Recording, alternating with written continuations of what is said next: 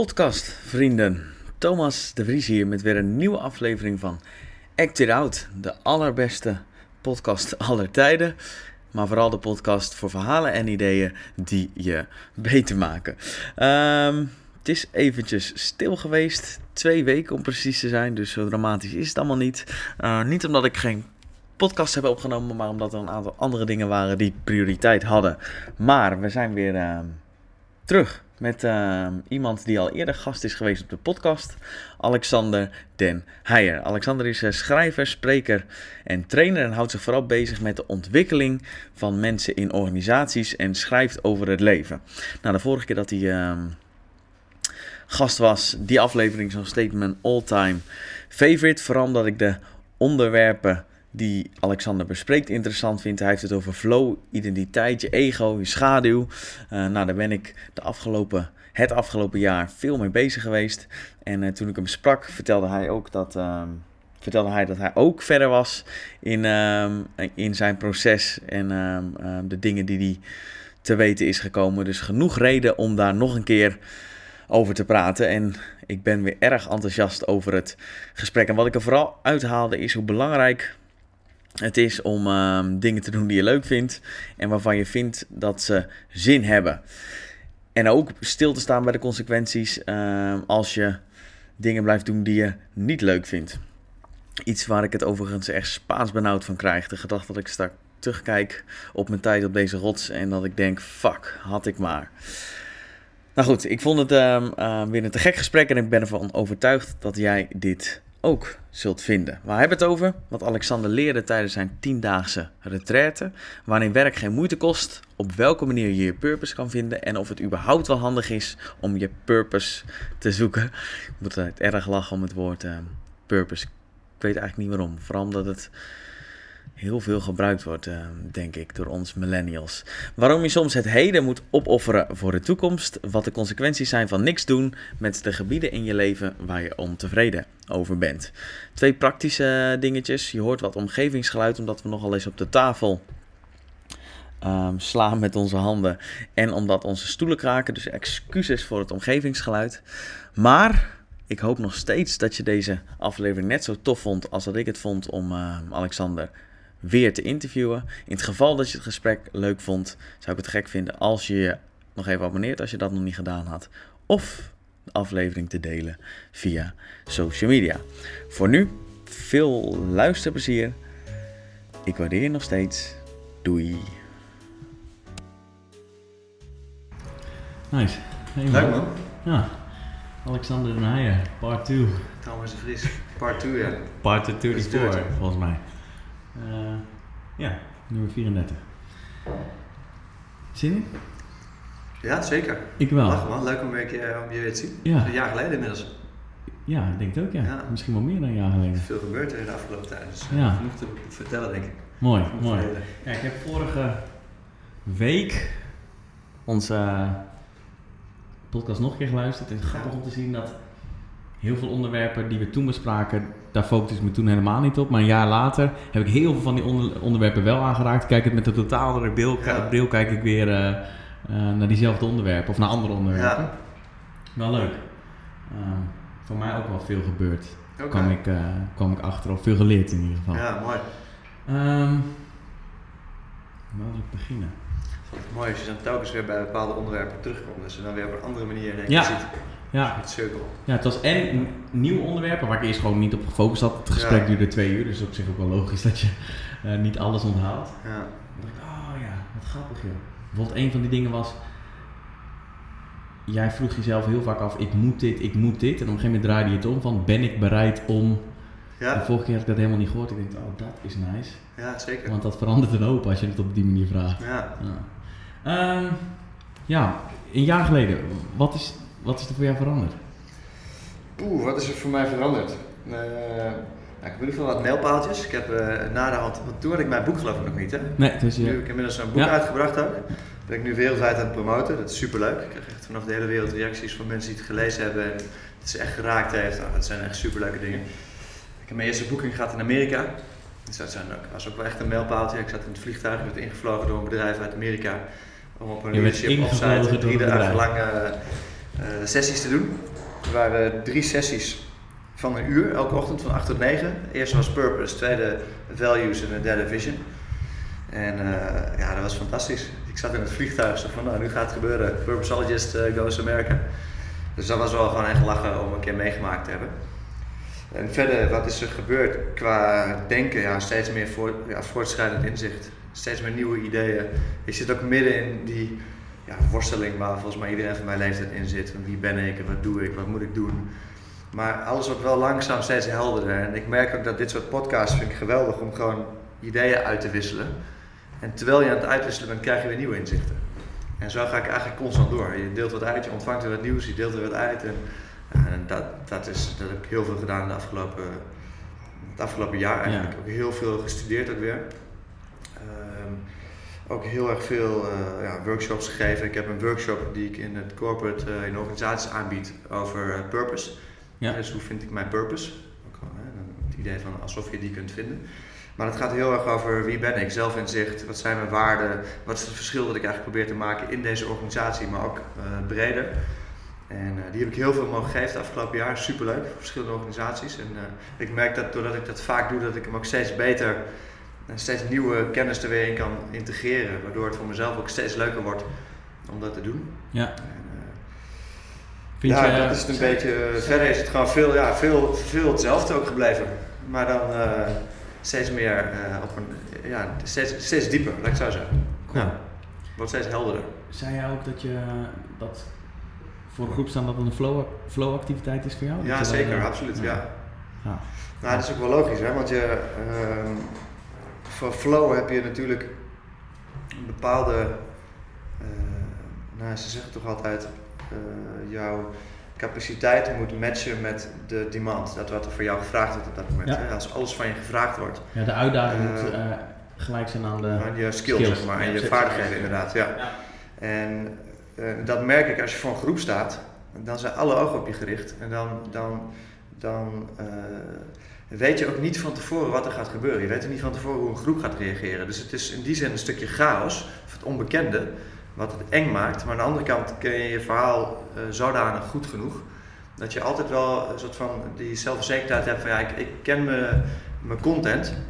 Maar het is altijd die spanning van hoe gaat die groep hier weer op reageren. En, en ik ben ook nog wel een beetje een intuïtieve spreker, dus het kan ook dat ik halverwege zomaar de andere kant op ga. Helemaal gebaseerd op wat ik zie en dat soort dingen. ja. Dus het is altijd spannend, maar dat maakt wel dat ik hyper gefocust ben als ik aan het spreken ben. Ik heb vorige week een leuke lezing gedaan, vond ik echt heel leuk om te doen. Bij het Humanistisch Verbond in Haarlem. Dat was uh, een lezing waarvoor ik werd gevraagd, een, een avondprogramma van twee uur.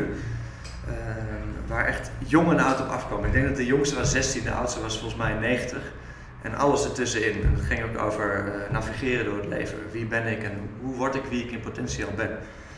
Nou, dat, dat, dat merk ik ook. Dan zit ik lekker in mijn vel, dan ben ik op mijn best. Dan, dan zit ik grappen te maken, maar tegelijkertijd heel serieus mensen over uh, hun belangrijkste waarden met elkaar in gesprek. Huilende mensen, lachende mensen. Ja, dat is, dat is echt een flow-activiteit inderdaad. Gaaf. Ja. gaaf. Je vertelde uh, in de conversatie die we hadden uh, via de telefoon dat je een, een nieuwe Vipassana meditatie hebt gedaan. Ja. Ik ben eerst wel nieuwsgierig. Vorige keer hebben we het er kort over gehad. Uh, hoe was het? Mm -hmm.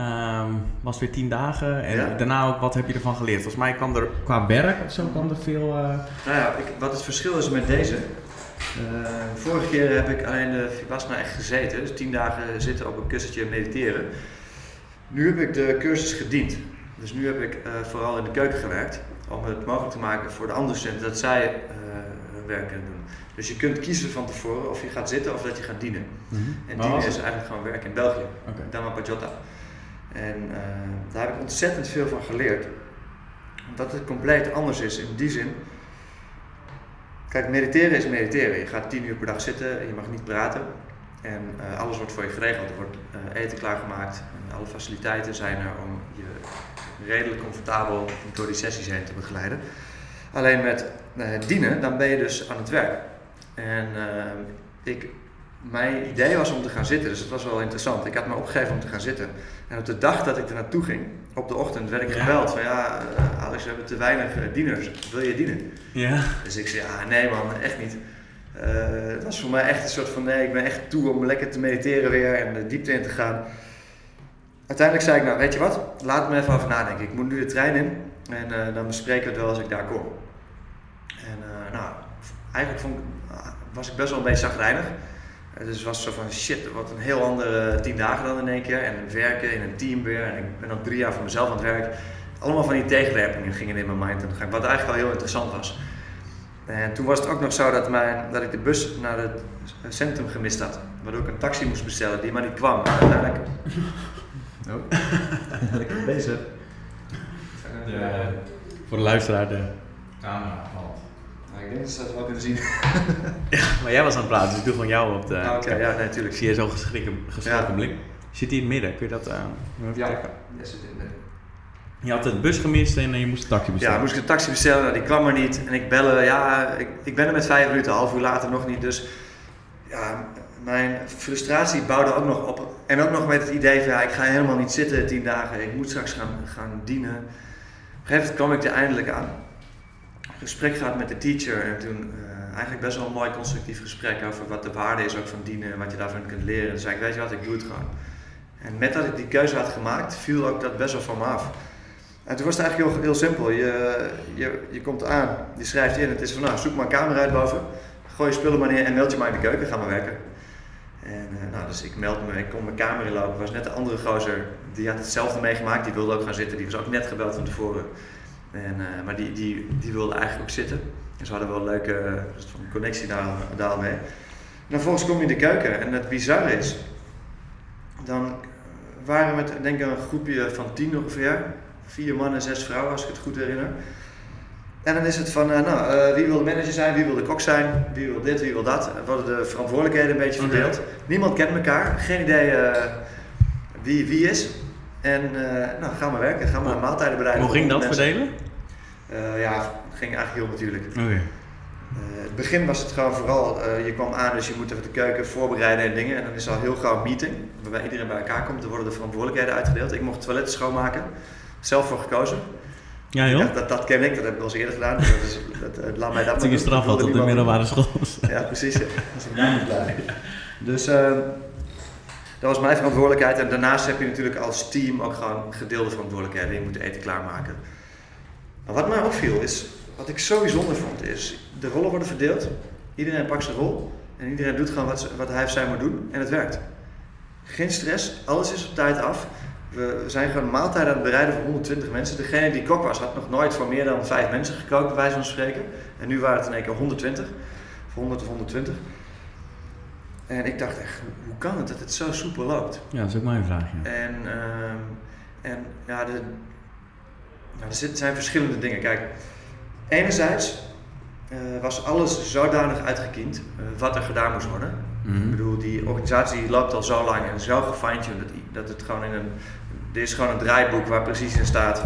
Uh, voor 120 mensen heb je zoveel aardappelen nodig op ja, dag 1. Ja, ja. Dit is wat je met de aardappelen doet, daarin was je ze, daar vind je de tools, et cetera, et cetera. Alles is gewoon duidelijk in die zin. Dus dat maakt het heel makkelijk werken. Maar dan nog, we stonden s ochtends om 5 uur op, half 6 ben je aan het werk.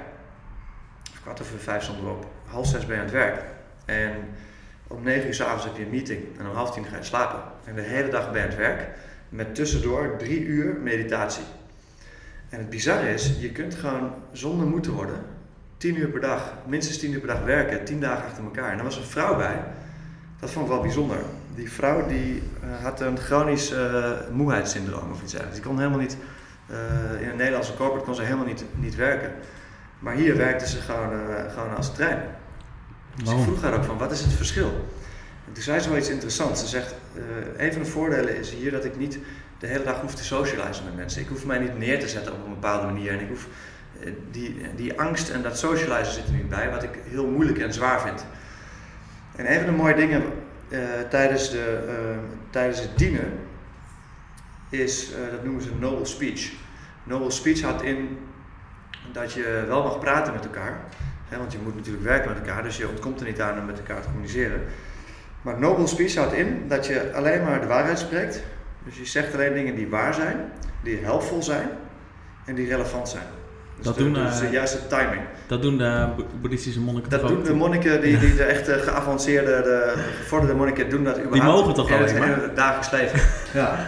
Dus dat is iets wat je eigenlijk tijdens die tien dagen dan gaat oefenen. Oké. En ehm, dat helpt heel erg om de sfeer te bewaren. En het helpt om jezelf bewust te maken van, wow, hoe gebruik ik mijn stem eigenlijk? Kijk, als ik, als ik lekker in mijn vel zit, dan word ik heel erg uitbundig en ga ik veel grappen maken. En dan merk ik in één keer van, oh wacht eens even. Ja, dat is wel helpvol en som, voor de sfeer. Maar soms gaat het weer ten koste van de sfeer. Dan wordt het too much. Ja. En dan wordt het te veel lachen en dan gaat het ten koste van het proces. Ja. En je wordt heel erg bewust van waarom je eigenlijk dingen doet. Dus dat doe ik heel erg bij. Wat heb je, wat is iets wat je gezegd hebt tegen iemand? Dat zou ik zo niet weten. Ja, verschillende dingen. Maar was je eh, bewust? Ging je eerst echt nadenken van oké, is het wat ik, ik wil iets zeggen tegen iemand? Meestal wel. Soms ben je gewoon nieuwsgierig van wat doet iemand in het dagelijks leven en dan begin je zo'n gesprekje. En op een gegeven moment merk je dat je gewoon in je normale patroon valt en gewoon een gezellig gesprekje met iemand hebt. Waarbij je op een gegeven moment wel weet, ja, dit is eigenlijk niet meer relevant eh, voor, voor het proces. En dan is het een beetje van, oké, hoe, hoe ver kunnen we hierin gaan? Dat is constant een beetje een zoektocht. En op een gegeven moment merk je bij jezelf van, ja, ik ben nu, eh, ja, nu zijn we alleen maar aan het socializen. En dan is het van, oké, hou maar op. En, eh, maar soms komt er ook wel iemand bij, eh, de teacher komt dan langs en die ziet het ook en die zegt, nou, noble speech. Eh, alleen het scheen dat onze groep het heel erg goed deed in vergelijking met andere groepen. We waren best wel gefocust. En het draagt ook heel erg bij voor de flow. Op het moment dat je niet hoeft te praten en je bent volledig op je werk geconcentreerd, dan kom je heel snel in de flow terecht. En het mooie is dat iedereen op een gegeven moment in een bepaalde flow is. En, ehm, en wat ik ook heel bijzonder vond, is wat ik heel erg leerde, is Kijk, iedereen die daar dient, die heeft tenminste één tiendaagse ook gezeten. Dus in die zin eh, heeft iedereen ondervonden wat die techniek met je doet. Dus hoe beneficial of hoe, hoe, hoe goed die techniek Ja. is voor je. En, en iedereen dient met het idee van dit is fantastisch dat ik dit weer kan, eh, dat ik iemand anders kan dienen om deze techniek te leren. Dus je hebt een ontzettend gevoel van een soort noble purpose, hè, zoals we het tegenwoordig noemen. Eh, het werk dat je doet is in die zin al direct heel erg zinvol. En je hebt daarmee mee ook de verbondenheid met elkaar, die er no- normaal natuurlijk ook altijd is. Iedereen is met elkaar verbonden, alleen we ervaren niet die verbondenheid met elkaar. En doordat je een soort gedeelde interesse hebt, een gedeelde passie zou je kunnen zeggen, ervaar je ook al gelijk een stukje verbondenheid, een stukje eh, gedeelde waarde. Ja. Wat het heel hecht met elkaar maakt gelijk. Dus je merkt al heel gauw dat je een verbinding met iemand hebt, omdat je allemaal eh, een soort collectief bent dat, dat, dat vanuit dezelfde intentie werkt. Mhm. Daarnaast wat heel erg belangrijk is, in, in, en waarom het zo makkelijk is om tien uur lang, tien uur per dag, te, of tien dagen lang te werken, is je bent tegelijkertijd ook de techniek van Vipassana, de mindfulness eigenlijk aan het beoefenen terwijl je werkt. Dus het is eigenlijk een soort brug tussen de echte wereld en de meditatie in. Waarbij je eigenlijk de techniek leert toepassen terwijl je werkt. Dus je Ja, bent, dus in plaats je van... bent eh, aardappel aan het snijden terwijl je op je ademhaling bent, wijze van spreken. En je bent je bewust eh, van wat je aan het doen bent. En dat is geweldig. Alleen wat het voor mij nog mooier maakte, ik heb meerdere inzichten opgedaan. Eén is dus dat je gewoon met een groep vreemden gewoon in één keer eh, gewoon fantastisch werk kunt doen. Eh, zonder dat er echt een, een, een, een baas is of een directeur. Maar, en je hebt dus heel duidelijke soort werkregels die in lijn zijn met de waarden. En wat je vaak ziet bij organisaties is dat we een paar core values hebben, maar die niet vertaald zijn en hoe passen we dat dan precies toe? Wat zijn de gedragsregels die erbij horen? Mhm. Eh, dat, die lijn was daar wel heel duidelijk. Ja. Een ander ding wat mij opviel, en dat is natuurlijk wat je in het bedrijfsleven niet kunt creëren, dus iedereen werkt daar volledig vrijwillig. Niemand bezit die centra. Eh, ja, de, de stichting uiteindelijk die het beheert, maar er is ook niemand in loondienst. Niemand. Iedereen komt daar vrijwillig om te dienen omdat ze dat zelf willen. En in het bedrijfsleven zit je natuurlijk vast aan het feit dat mensen een salaris nodig hebben. Dus al in die zin al moeten werken. Dus is, je kiest natuurlijk nog wel waar je gaat werken. Maar in die zin is er minder vrijwilligheid. Een ander ding wat mij opviel is, kijk, alle hulp is welkom. Dus iedereen, mensen zijn super blij dat je komt helpen. Eh, er is geen werkgever die zegt, ja, je werkt niet hard genoeg, ik wissel jou in voor een goedkopere kracht. Dus je hebt ook niet die angst dat je uit de groep kan vallen, of dat je niet goed genoeg je best doet of niet hard genoeg werkt, waardoor er veel meer psychische veiligheid is en veel meer dankbaarheid, waardoor mensen en de veel druk meer om te presteren. Die is er niet. Er is wel druk om te presteren, om op tijd voor 120 man dat eten klaar te zetten. Die is er zeker wel. Alleen eh, je leeft eigenlijk volledig volgens de, ehm, volgens de waarden. eh, En, dat is ook belangrijk. Het allerbelangrijkste continu is harmonie en vrede bewaren. Dus dat, dat is de hoogste prioriteit. Dus, Werd dat gezegd?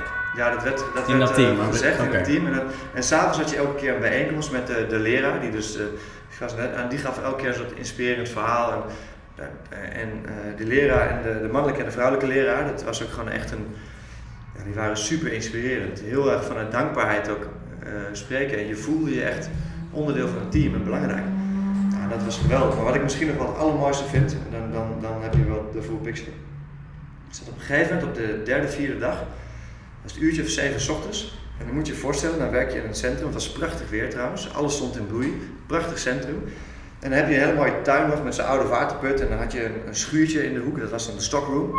En dan kwam 's ochtends het groenteboertje kwam aanrijden, fluitend uh, groente brengen, uh, in de stockroom zetten, kind aan huis. Vervolgens kwam de, uh, wat zei ik nou, groenteboer, fruitboer kwam ook nog langs.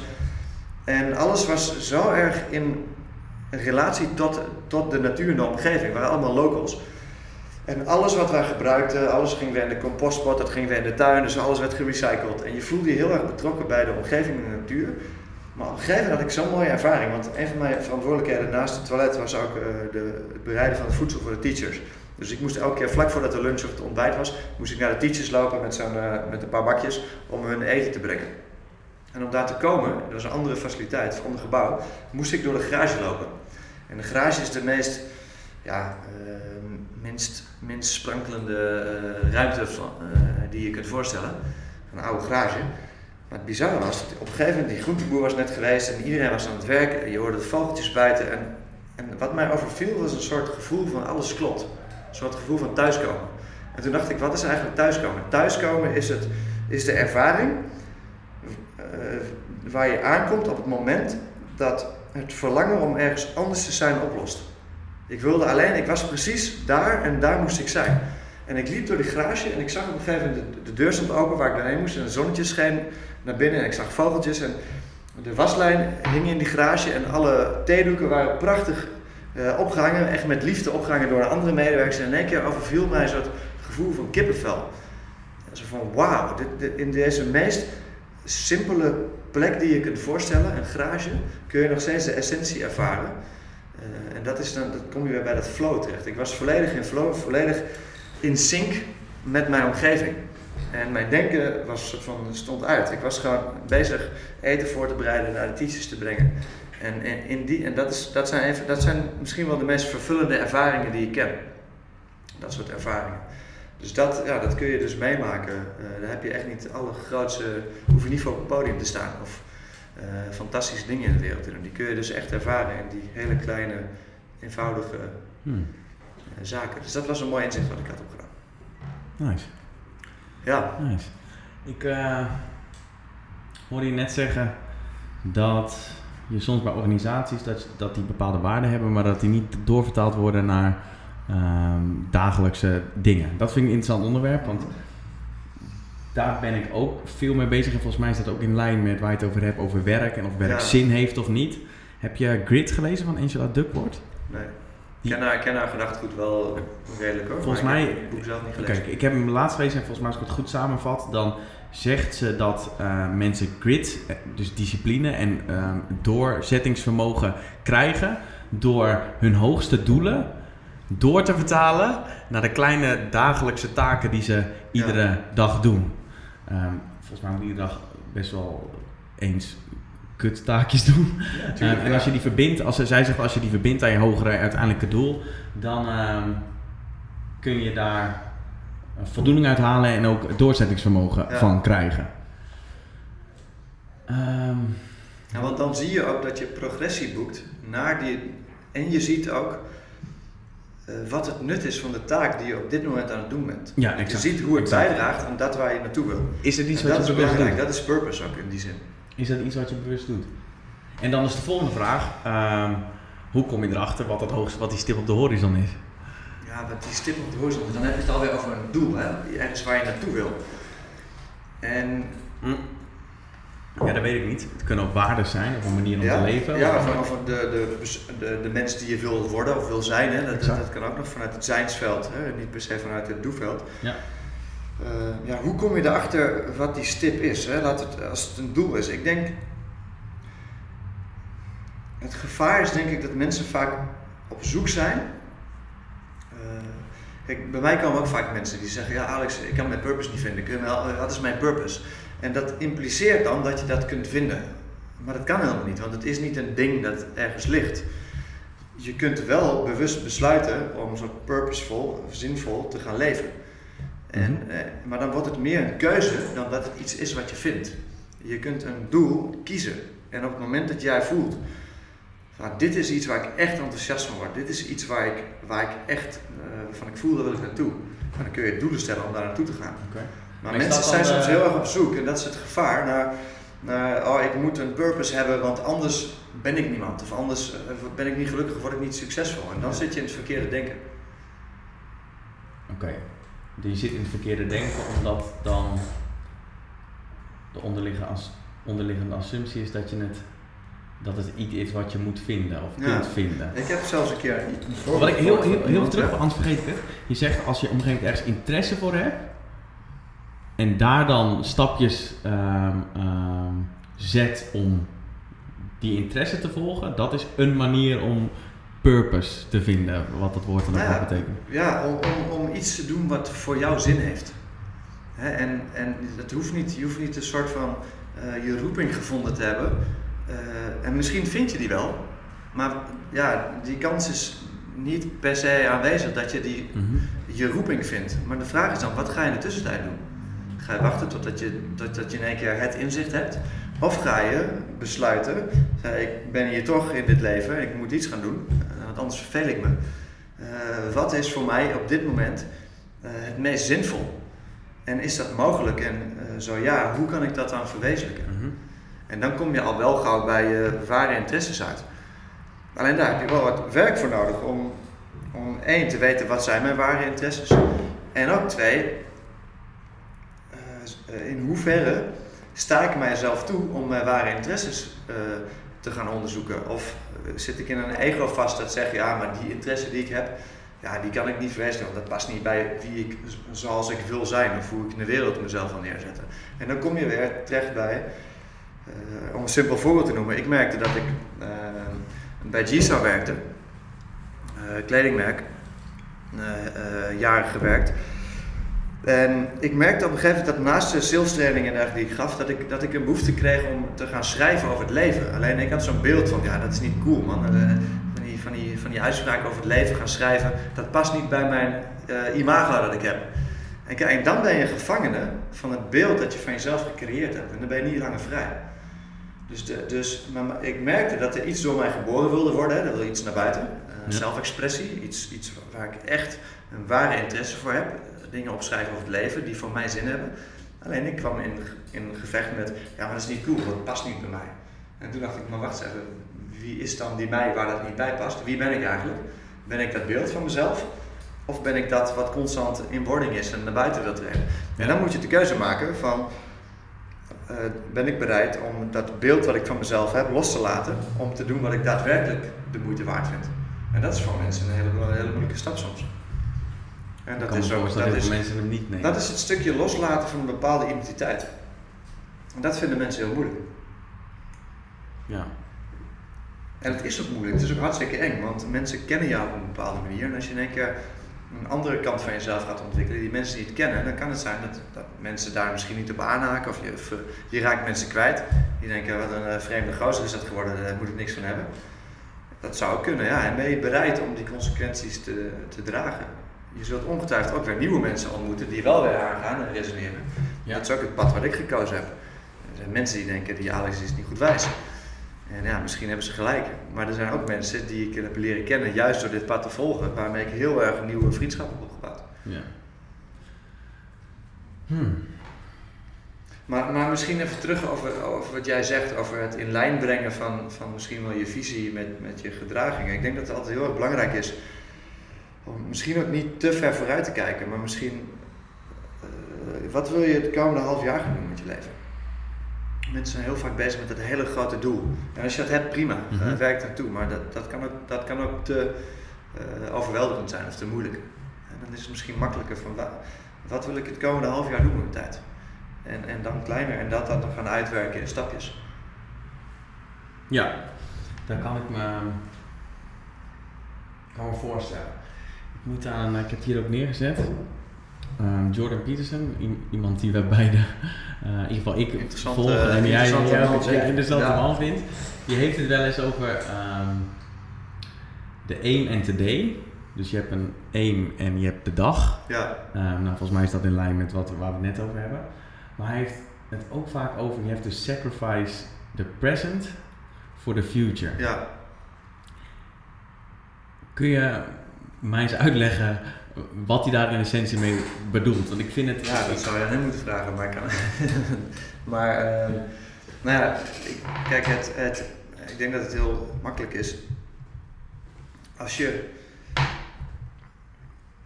als je in, in balans wil leven, eh, je, kijk, je ontkomt er niet aan dat je, dat je ook, ja, als je geluk, als je geluk hebt, besta je over tien jaar ook nog.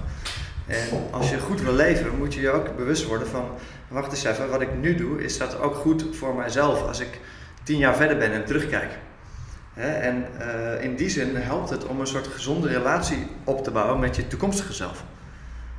En dus bewust te worden van, ja, wat ik vandaag doe, eh, feesten en bier drinken, dat is nu hartstikke leuk. Maar als ik tien jaar verder ben, hoe kijk ik daarop terug? En dat, dat wordt er bedoeld met eh, een deel van je, van je present opgeven. Eh, en eigenlijk is dat een deel van je korte termijn verlangens of instant gratification, hè, wat we noemen, dat opgeven voor iets dat meer waard is op de lange termijn. Ja.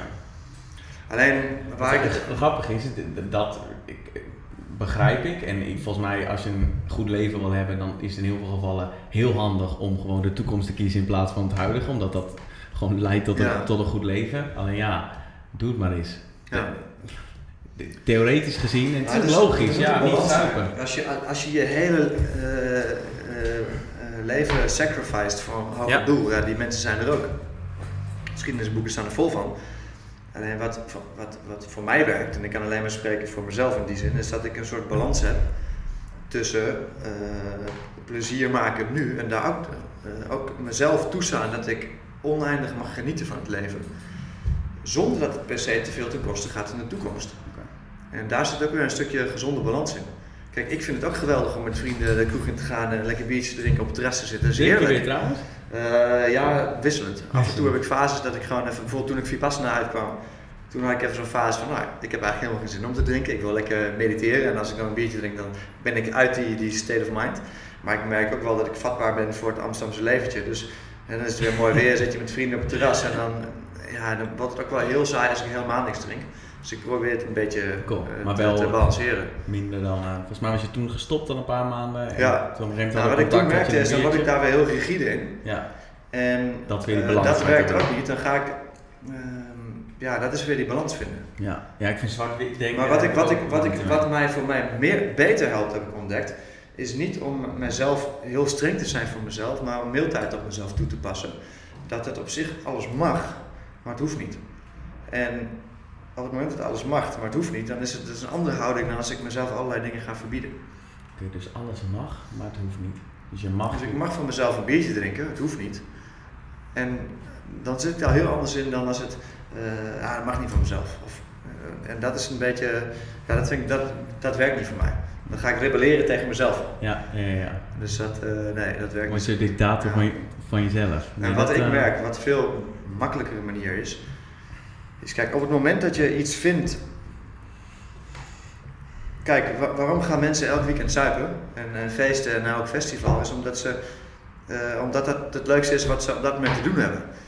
En het werkt niet om jezelf dingen te verbieden. Wat veel makkelijker werkt, is om iets te vinden met je tijd om te doen dat nog leuker is. is. Ja, dat ja, nog ja, waardevoller is, dat nog zinvoller is. En dan kom je op purpose uit. Op het moment dat ik eh, lezingen ga geven of ik heb workshops en ik ben, of ik ben aan het mediteren en ik ben met dingen bezig, dan heb ik helemaal geen zin om, om, om, om dan, dan zie ik uitgaan als een waste of time. Oké, Dus vervang het met iets dat beter is. Nou, dat is eigenlijk een beetje de. dus op het moment de dat je iedere weekend nog de behoefte hebt om zowel op vrijdag als op zaterdag eh, een stukje kraag te drinken, dan zou een manier komen- kunnen zijn om dat minder te doen in plaats van jezelf met een zweep te slaan en te zeggen je mag niet meer drinken en dan iedere vrijdag en zaterdag weer te falen. Na te denken van oké, wat maakt dat het leukste in mijn leven is om Ja, op vrijdag wat- en Wat zaterdag... is bewust van waarom je dat eigenlijk doet? Wat, wat, wat kan zijn is dat je je door de week helemaal te pletten werkt voor een bedrijf waar je eigenlijk misschien helemaal geen, geen eh, emotionele betrokkenheid bij voelt. En dat je juist daardoor heel erg de behoefte hebt om uit die leegte te ontsnappen Ja. en dan naar in, die, in het feesten te duiken. Ja, Ja, Hier- dan heb je staat een doen. in je broek. Ja, broek. Broek, ja mooi. Ik heb hem niet gezien nog maar. Hierop. Ik heb trouwens wel echt een boxershort waar een quote in staat. hè. Dat is echt geen Welke is het? van mij hebben een boxershort label. En een underwear, fantastisch. En voor de kamer maken. Maar er staat dus aan de binnenkant staat dus een quote. Die constant weer anders is, geweldig. Oh, May the force be with you, stond er van mij. Dus Oké. echt een quote in mijn broek. Maria Broek stond een eh, quote. You often feel tired, not because you have done so much, but too little of what sparks a light in you. Nee, dat stond er niet helemaal. Even opnieuw. Je leest hem verkeerd voor. Of je hebt hem verkeerd uitgeprint. You often feel tired, not because you have done too much, but too little of what sparks a light in you. Ja, precies. Wat zei ik net al? Je zei, je zei ehm, niet too much, but too, ja, in ieder geval de, de zin klopt er Hij niet. klopt er niet, oké. You often, Goed you often feel tired, not because we've done too much, but because we've done too little of what sparks light in us. Dus, eh, en dat zie je heel vaak nu ontstaan. Dat, dat, dat, er is ook een begrip dat nu eigenlijk net zo relevant is als burn-out, dat is bore-out. En bore-out, als je het hebt over, als je het hebt over de, de, de, de, de flow staat. Ja. Op het moment dat je de uitdaging groter wordt dan jouw skills, dus wat er van jou verwacht wordt, wordt groter dan dat je aan kunt, dan krijg je anxiety, angst en, dan ga je rennen, vliegen, slijten, burn-out. Op het moment dat er veel minder van jou verwacht wordt dan dat jij aan skills hebt, dan ga je vervelen. En dat leidt tot apathie en op een gegeven moment tot bore-out. Eh, dat, dat, dat, dat voelt een beetje als roesten. Weet je, ik roest weg in een organisatie, want eigenlijk verbruik ik mijn potentieel niet. En eh, het werk is eigenlijk veel te makkelijk en het daagt me niet uit. En, en, en vaak is dat nog vermoeiender dan hard werken. Dus dan denken mensen, dan komen ze aan het eind van de dag eh, terug, hebben ze acht uur gewerkt en denken ze, man, wat een zware dag. Hè. Wat heb je eigenlijk gedaan? Ja, niet zoveel. Eh, maar ik, ik zit te lang op dat werk, ik moet misschien minder, minder werken. Nee, je moet daar tegenover iets stellen, denk ik, dat je zoveel eh betekenis voor je heeft, waar je dat vlammetje van aangaat, wat energie geeft. Hè, Maar in je- dat werk, dus nadenken over hoe je dat kan vinden dat in je werk. als Dat zou kunnen wel. Oké, en als dat niet kan, dan kan ik me heel goed voorstellen dat het bij heel veel mensen niet kan. Maar ik, heb dus, ik krijg heel vaak met organisaties te maken mensen die in, in de gouden kooi vastzitten. Goed salaris, Goed salaris, Alles. fantastisch. Hè? secundaire Die zijn, hè, dat, dat was een tijd een hè, dat we medewerkers aan de organisatie moeten binden. Nou, we krijgen een goed salaris, kooi, zijn ze letterlijk gebonden aan de organisatie. Maar eigenlijk willen ze helemaal niet werken. Want het werk dat ze doen, daar halen ze geen uitdaging meer uit. Maar ja, ze gaan ook niet meer weg, want eh, ja, dan moeten ze hun hele levensstijl loslaten. Ja, dan wordt het moeilijk. Of je dan... Kijk, Stel, je- maar stel dat dat niet kan. Stel, eh, je hebt een baan en je hebt verantwoordelijkheden, financiële verantwoordelijkheden, je, moet, je hebt een gezin, dat moet je onderhouden.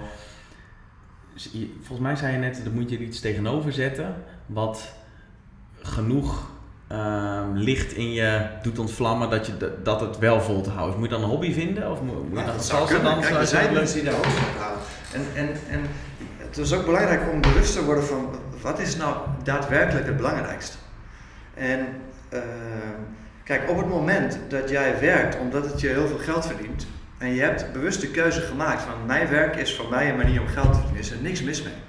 Als je dan da- daarbuiten eh, eh, nog wel dingen hebt waarvan je weet dit is echt de moeite waard.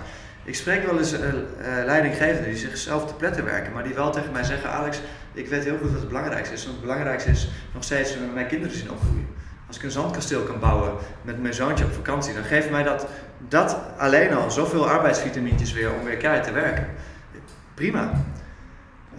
Het wordt pas een probleem op het moment dat je echt merkt van ja, ik ben niet op de juiste plek. En ehm, eh, ik ga hier aan onderdoor. En ik zit in een werkomgeving vast die zoveel van mij vergt, maar ik kan dat eigenlijk niet meer opbrengen. En het kost meer energie dan dat het mij oplevert. Ja, dan, ontkom je er niet aan en dat, je, dat, dat is geen duurzame oplossing. En dan heb ik vaak mensen die tegen mij zeggen, ja maar het is zo'n risico om iets anders te gaan doen. Maar ik Ja, draai dan de vraag om. Ja, precies. Wat kost het je als je blijft? Ja. Ik heb letterlijk mensen in vijf jaar eh, tijd tien jaar ouder zien worden. Ik heb ook mensen in vijf jaar tijd tien jaar jonger zien worden. Dat, dat gebeurt echt. En, Maar is dat ja, iets wat, eh, eh, wat we dan als mensen vaak niet meenemen onze beslissing? Dat blijven ook een keuze is en niet veranderen dat dat ook Dat is kost? ook een keuze, ja. Nou wat ik denk misschien nog wel, dat wil ik wel even introduceren, dat is ook voor, dat is wel een thema waar ik heel erg mee bezig ben, is dat we onze behoeftes proberen te vervullen vanuit het, vanuit het verkeerde perspectief. Waar, ik ben heel erg gecharmeerd van het werk van Erik Fromm, een psychoanalyticus was dat, die was heel groot in de jaren 50 en 70. En die heeft een boek geschreven in 1976 geloof ik. Als je dat nu leest, lijkt het wel alsof het vandaag de dag geschreven is. Gigantische uh, eye-opener was het voor mij. Dat boek heet To Wat, Have maakt, or To wat Be. maakt dat het eh dat ik lijkt vertellen. Oké, cool. Het boek heet To Have or To Be. In Nederlands is het vertaald als een kwestie van hebben of zijn. En Erik Fromm stelt eigenlijk dat er twee fundamentele manieren zijn om in het leven te staan. Twee existentiële ehm, eh, modus eigenlijk. Hè. De, de, de, hij noemt dat de having mode en de being mode. De have modus of de zijnsmodus.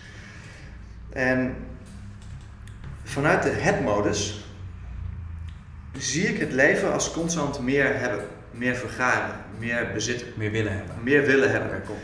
En dat is ook belangrijk, want wij hebben ook, eh, er zijn, we hebben vanuit de hebmodus zijn er ook behoeften, wij hebben ook dingen nodig. Ik heb water nodig, dat moet ik hebben. Ik moet eh, zuurstof hebben, ik moet drinken, of eten hebben. Knuffel af en toe. Af en toe een knuffel. Maar we hebben ook een zijnsmodus. En vanuit die zijnsmodus, zijn is eigenlijk leven, zijn is ook flow. Zijn is eigenlijk dat wat constant in beweging is. Ik ben in de wereld. En met dat ik in de wereld ben, ben ik ook constant in wording. Dus in die zin is zijn en worden is ook hetzelfde. Want eh, ik ben iets dat constant in wording is. Ja. Constant aan het vernieuwen is, constant aan het ontwikkelen. Waar nu het probleem vaak zit, zit, wat ik zie, is dat wij eh zijnsbehoeften proberen te vervullen vanuit het hebdenken. Dus ik ervaar een bepaalde leegte omdat ik mij niet ontwikkel. En om die leegte op te vullen, ga ik een nieuwe auto kopen. Een nieuwe auto hebben. Maar dat werkt niet. Dat werkt even als een soort van afleiding van. Maar zodra die auto even een paar dagen in bezit is, dan kom ik weer terug in die leegte. Dus wat ik heel erg zie, is dat we op het moment dat je vanuit het hebben naar de wereld kijkt en je zelfs gaat identificeren met wat je hebt, want daar zit het probleem. Dus ik ga mij identificeren met alles wat ik heb. En dat is het ego eigenlijk, hè, simpel even gezegd. Dus wat er gebeurt, en dat stelt Fromm heel helder in het boek en prachtig. Hij zegt, als ik ben wat ik heb en ik verlies wat ik heb, wie ben ik dan? Niks. ja. Dan ben ik, dan ben ik niks, dan ben ik een soort gefaald iemand. En ik zie het heel vaak gebeuren in, in het bedrijfsleven. Je hebt een bepaalde baan en daar identificeer je daarmee. Ik ben manager. Eh, of ik heb een status als manager. Eh, ik identificeer met de vrienden die ik heb. Ik identificeer me met ehm, de relatie die ik heb. Met alle bezittingen die ik heb, de materiële die ik heb. En dan inderdaad, op het moment dat je dat verliest, wie ben je dan nog?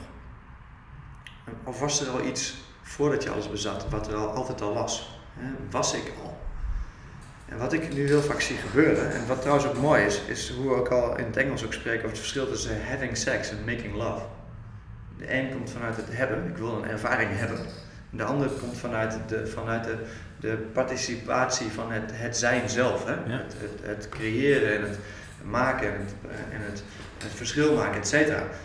En wat we vaak doen is dat we die twee door de war halen. En vaak zitten we ook in organisaties vast in die heb-modus. Als ik naar een gemiddelde CEO luister, die vertelt, eh, grappig, ik had het hier vanochtend ook over in een podcast, in het Engels, dus ik wil bijna het Engels gaan vertellen, switchen. Ehm, als ik naar organisaties luister, vertellen een strategie, dan gaat het vooral over wat ze als organisatie willen hebben. Het gaat over cijfers, we willen dit hebben. Maar het inspireert natuurlijk niemand. Het inspireert pas als we gaan vertellen over wie willen we als organisatie zijn. Hoe willen we in de wereld staan? Wat willen we maken? Wat willen we bouwen met z'n allen? Wat willen we creëren? Dat is uiteindelijk waar we, wat, waar we behoefte aan hebben. Nou, wat ik heel erg zie gebeuren is dat we dus ons identificeren met wat we hebben. En op zijnsvlak vaak tekort komen. En zijnsvlak bedoel ik vooral de ontwikkelingsbehoeften. Hè? Ehm, eh, volwassen worden, bepaalde psychische volwassenheid bereiken. Eh, eh, creativiteit, zelfexpressie, eh, kunst, cultuur, dans, alles wat daarbij hoort bij het zijn. Dat, dat, is, dat is vaak wat het leven een bepaalde vervulling geeft. Niet dat wat we allemaal hebben. Oké, en.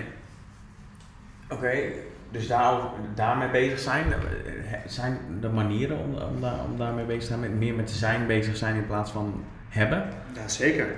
Ehm, Toevallig is het een thema voor mij. Nou ja, dus- kijk, het zijn. Dit is een fantastisch voorbeeld van, van iets wat uit zijn ontstaat.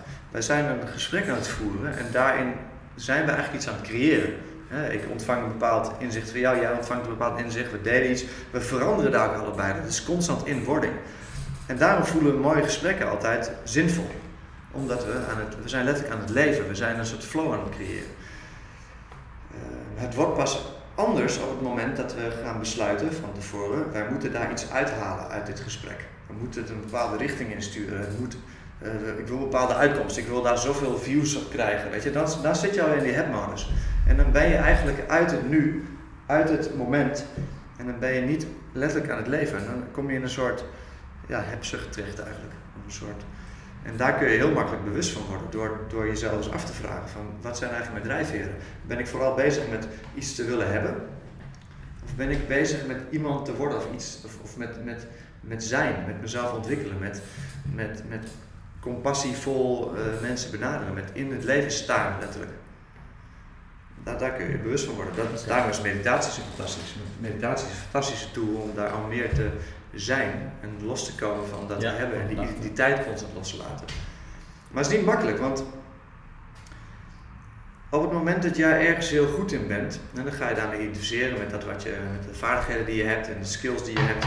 En op het moment dat, dat je in één keer in een situatie komt waarbij die vaardigheid niet meer nodig is, de wereld verandert, dan in één keer verlies je niet alleen eh, een stukje vaardigheid, je verliest ook een stukje identiteit. Want je was iemand en in één keer ben je niemand meer.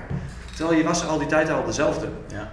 Het probleem is dat je je identificeerde met wat je had. Ja, ik heb heel erg met mijn onderneming gewerkt. Toen aan het begin, toen dat nog niks was, had ik nog geen klanten. Ja. Mijn hele identi- identiteit die hing aan, de, aan die onderneming. Dus als mensen dan vroegen hoeveel klanten heb je al, dan zeg ik ja, nog niemand. Ja. Dan zei ik eigenlijk over mezelf, ja, ik vind mezelf ook eigenlijk een eikeltje. Maar dat is het bizarre, want eigenlijk... Heel gek. Heel Eigenlijk, gek. ik heb geen klanten, dus ik heb nog niks, dus ik ben niks. Dat, is, dat is bullshit. Ja, dat- je I was know, al I know, iemand. ja. Maar, maar zie je wel, je mind Ja, voor de gek daar. Ja, Ja. Ik zat na, na zes maanden zat ik eh, op de, uh, huilend op de bank omdat ik iets te veel gewerkt had, zeg maar. Want Ja. mijn, mijn antwoord was alleen maar harder werken. Ik denk, ja, dat moet gewoon, nu moet dat, Ja. eh, maar dat was meer hebben dan zijn, denk ik. Ja. Maar ik heb het ook gehad. Ik was vroeger op de basisschool en met sport en zo was ik altijd vrij snel. Ik pakte dingen snel op. Ja. Dus dat was ook een deel van mijn identiteit. Op een gegeven moment, toen ik naar de universiteit ging, toen had ik wiskundige vakken. Daar begreep ik geen reet van, joh. Maar ja, ik pakte dat dus ook niet snel op, dus dan haalde ik dat ook niet. Totdat ik op een gegeven moment die toets moest halen, anders had ik twee jaar lang voor niets gestudeerd. Maar Ja. het kostte me zoveel moeite om iets te leren waar ik dan niet heel snel goed in was. Als ik heel snel feedback kreeg van, oh, dat lukt wel, vond ik het prima. Ja. Als ik het niet, dat was gewoon niet mijn identiteit. Nee, ik moest ergens snel goed in zijn, anders vond ik het niet leuk en dan kon Ja. ik het niet doen. Lastig. Ja, dat is ook gevaarlijk, want in die zin, ik herken het namelijk bij mezelf ook, wat er nog vaak gebeurt. Omdat je vaak dingen heel snel oppakt. En dus, kijk, dat is ook een beetje het nare met het onderwijssysteem. Je gaat naar de basisschool en het, het wordt een soort van aangeboden voor het gemiddelde. Dus als je, als je, als je eh, minder dan gemiddeld bent, dan heb je eigenlijk een probleem. Maar als je boven gemiddeld bent ook, Ja. dan gaat het allemaal niet snel genoeg. En wat er dan gebeurt, als je dingen dan zo makkelijk en snel oppikt, wat je dan dus niet leert, is ergens hard voor knokken. Nou, exact. En de feedback is ook nog, als ik niks deed, dan had ik een hoog cijfer. En dan kwam ik thuis en dan was het te gek, want ik had een hoog cijfer. Dus Ja. ik werd ook... Dus het wordt ook niet aangemoedigd. nee, dat nee, nee, exact. En dan zie je dus alweer dat we dan ook alweer de identificatie ma- maken met, zie, ik heb de resultaten bereikt. Hè? Dus ik heb wat ik nodig heb, wat ik moet hebben. Ja. Dus ik, klaar, maar je ontwikkelt je zijn daarmee niet. Hè? Je, je, je discipline, je, je, je hele wezen ontwikkel je daar dus niet mee. Omdat we eigenlijk dus ons succes afmeten aan die resultaten. Dat cijfertje, ik heb een goed cijfer, dus ik, eh, Ja. prima ja, zo. dat is een ding. Ja. Maar het gaat ten koste van, eh, van de ontwikkeling van jouw wezen. Je leert niet eh, je ergens in vast te bijten, te knokken, door te gaan op het moment dat je eigenlijk wil ophouden. Ja. En die interne dialoog met jezelf aangaan en dat gevecht, dat leer je niet. Ja. En, dan, en wat er vaak gebeurt, dat heb ik geleerd van een professor uit Antwerpen volgens mij. Die had een heel erg ik had een keer een mooie lezing gegeven over, over hoogbegaafdheid. Waarom hoogbegaafde mensen vaak onder, eh, onderpresteren op school. En dat ging dus precies hierover. En zij liet ook zien, of ze vertelde ook dat in haar onderzoek altijd uitkomt dat, dat die kids die dus hoogbegaafd zijn, vaak beginnen te falen op het moment dat ze Latijn en Grieks krijgen op het gymnasium. Want dan Als moet je Latijn en Grieks. Dan moet je in één keer, ik weet niet hoeveel duizend woordjes in een hele korte tijd uit je hoofd leren. En dan leer je in één keer dat met dingen snel oppakken, kom je daar niet. Daar is gewoon hard werk voor nodig. En wat gebeurt er dan? Dan, dan merk je dus van, wow, dit is eigenlijk wel heel pittig. Eh, en dan komt die stem, die, die innerlijke criticus, die zegt dan, ja, maar waar, waar heb je dit voor nodig? Je gaat toch niet, eh, waar heb je Latijn en Grieks voor nodig? Heb ik helemaal niet nodig. Zie je wel? Nee, is, is niet belangrijk, is niet zinvol. Haat En dan ben je natuurlijk creatief genoeg om tegen je ouders te zeggen van goh, dit heb ik helemaal niet nodig. Eh, want dit is toch niet zinvol. Maar eigenlijk wat er gebeurt is dat je niet geleerd hebt om met die innerlijke criticus om te gaan en te zeggen, ja wacht eens even, dit is wel belangrijk. Eh, ik moet nu gewoon hard werken. En eh, eh, dit ben ik gewoon niet gewend, dit heb ik nooit geleerd. Ja. Dan, ja, als je daar niet goed in begeleid wordt, dan kan het zomaar zijn dat je, zoals ik bijvoorbeeld, met twee, drie op je rapport van vier gymnasium naar was het, vier HAVO moet. Ja, ja. Dat, daarom raakte mij dat, dat verhaal van die vrouw mij zo erg. Dat ik dacht, hé, ik, eh, dit klinkt een beetje herkennend. dit, her- her- herkenbaar. Heb jij ook, ehm, dat merk ik steeds vaker, dat eh, ik vind mezelf totaal niet lui. Ik, ik denk dat op heel veel vlakken kan ik heel veel discipline opbrengen. Maar als ik ergens het nut niet van inzie, Ja, dan kom ik er ook steeds goed. achter. Maar de eerste, heb ik, dat nog, heb ik het nu altijd door, weet ik niet. Maar als ik iets niet leuk vind, dan kost het me zo fucking veel moeite om Ja. er überhaupt, eh, überhaupt mee bezig te zijn. Maar vroeger dacht ik wel eens van, hoe, komt het dan? Ben ik dan niet gedisciplineerd? Ben ik gewoon lui? Ben ik, maar als ik iets leuk vind, sporten, doe ik iedere dag. Dat vind ik het leukste Ja. wat er is. Kost me geen moeite. Ja. Hoef niet eens over na te denken. Zeggen andere mensen, ja, Seski, je hebt zoveel discipline. Eh, Discipline? Ja. Hoe bedoel je? Ik vind het fucking leuk om te doen. Selectieve discipline. is Selectief, dat, eh, ja. Precies, ja. Maar Maar, heeft is dat bij jou gegaan? Hè? Want, eh, want begonnen natuurlijk over jou, om even terug te brengen naar hoe het bij jou ging. Want jij zegt ook van op het moment dat ik het nut er niet van inzie, dan vind ik het heel moeilijk om iets vol te houden. Ben je dan ook vaak geswitcht van, Ja, van, van, van zaken? Dat kan ik me voorstellen. ja, ja. Hoe leer je dan jezelf toch de discipline aan om de dingen te doen die toch gedaan moeten worden? Ook al vind je niet zo leuk. Ehm, dat is een goede vraag. Ik, ik heb elke keer als ik iets moest doen wat echt veel moeite kost, bijvoorbeeld eh, de wiskundige vakken halen Ja. of ehm, leren voor een groep spreken of ik heb vroeger één wil leren fietsen, waren dingen die echt fucking moeilijk. En elke keer als ik de voldoening die daaruit kreeg, die was zo groot dat ik ergens ook weet dat juist de dingen die moeilijk zijn voor me brengen de meeste voldoening. Ja, Ehm, dus ja, dat met die wetenschap eh, doe ik die dingen. Ja. Die podcasten, fuck even, met een camera, met een eh, microfoon en dan mensen interviewen over onderwerpen ik echt een ballenverstand van heb.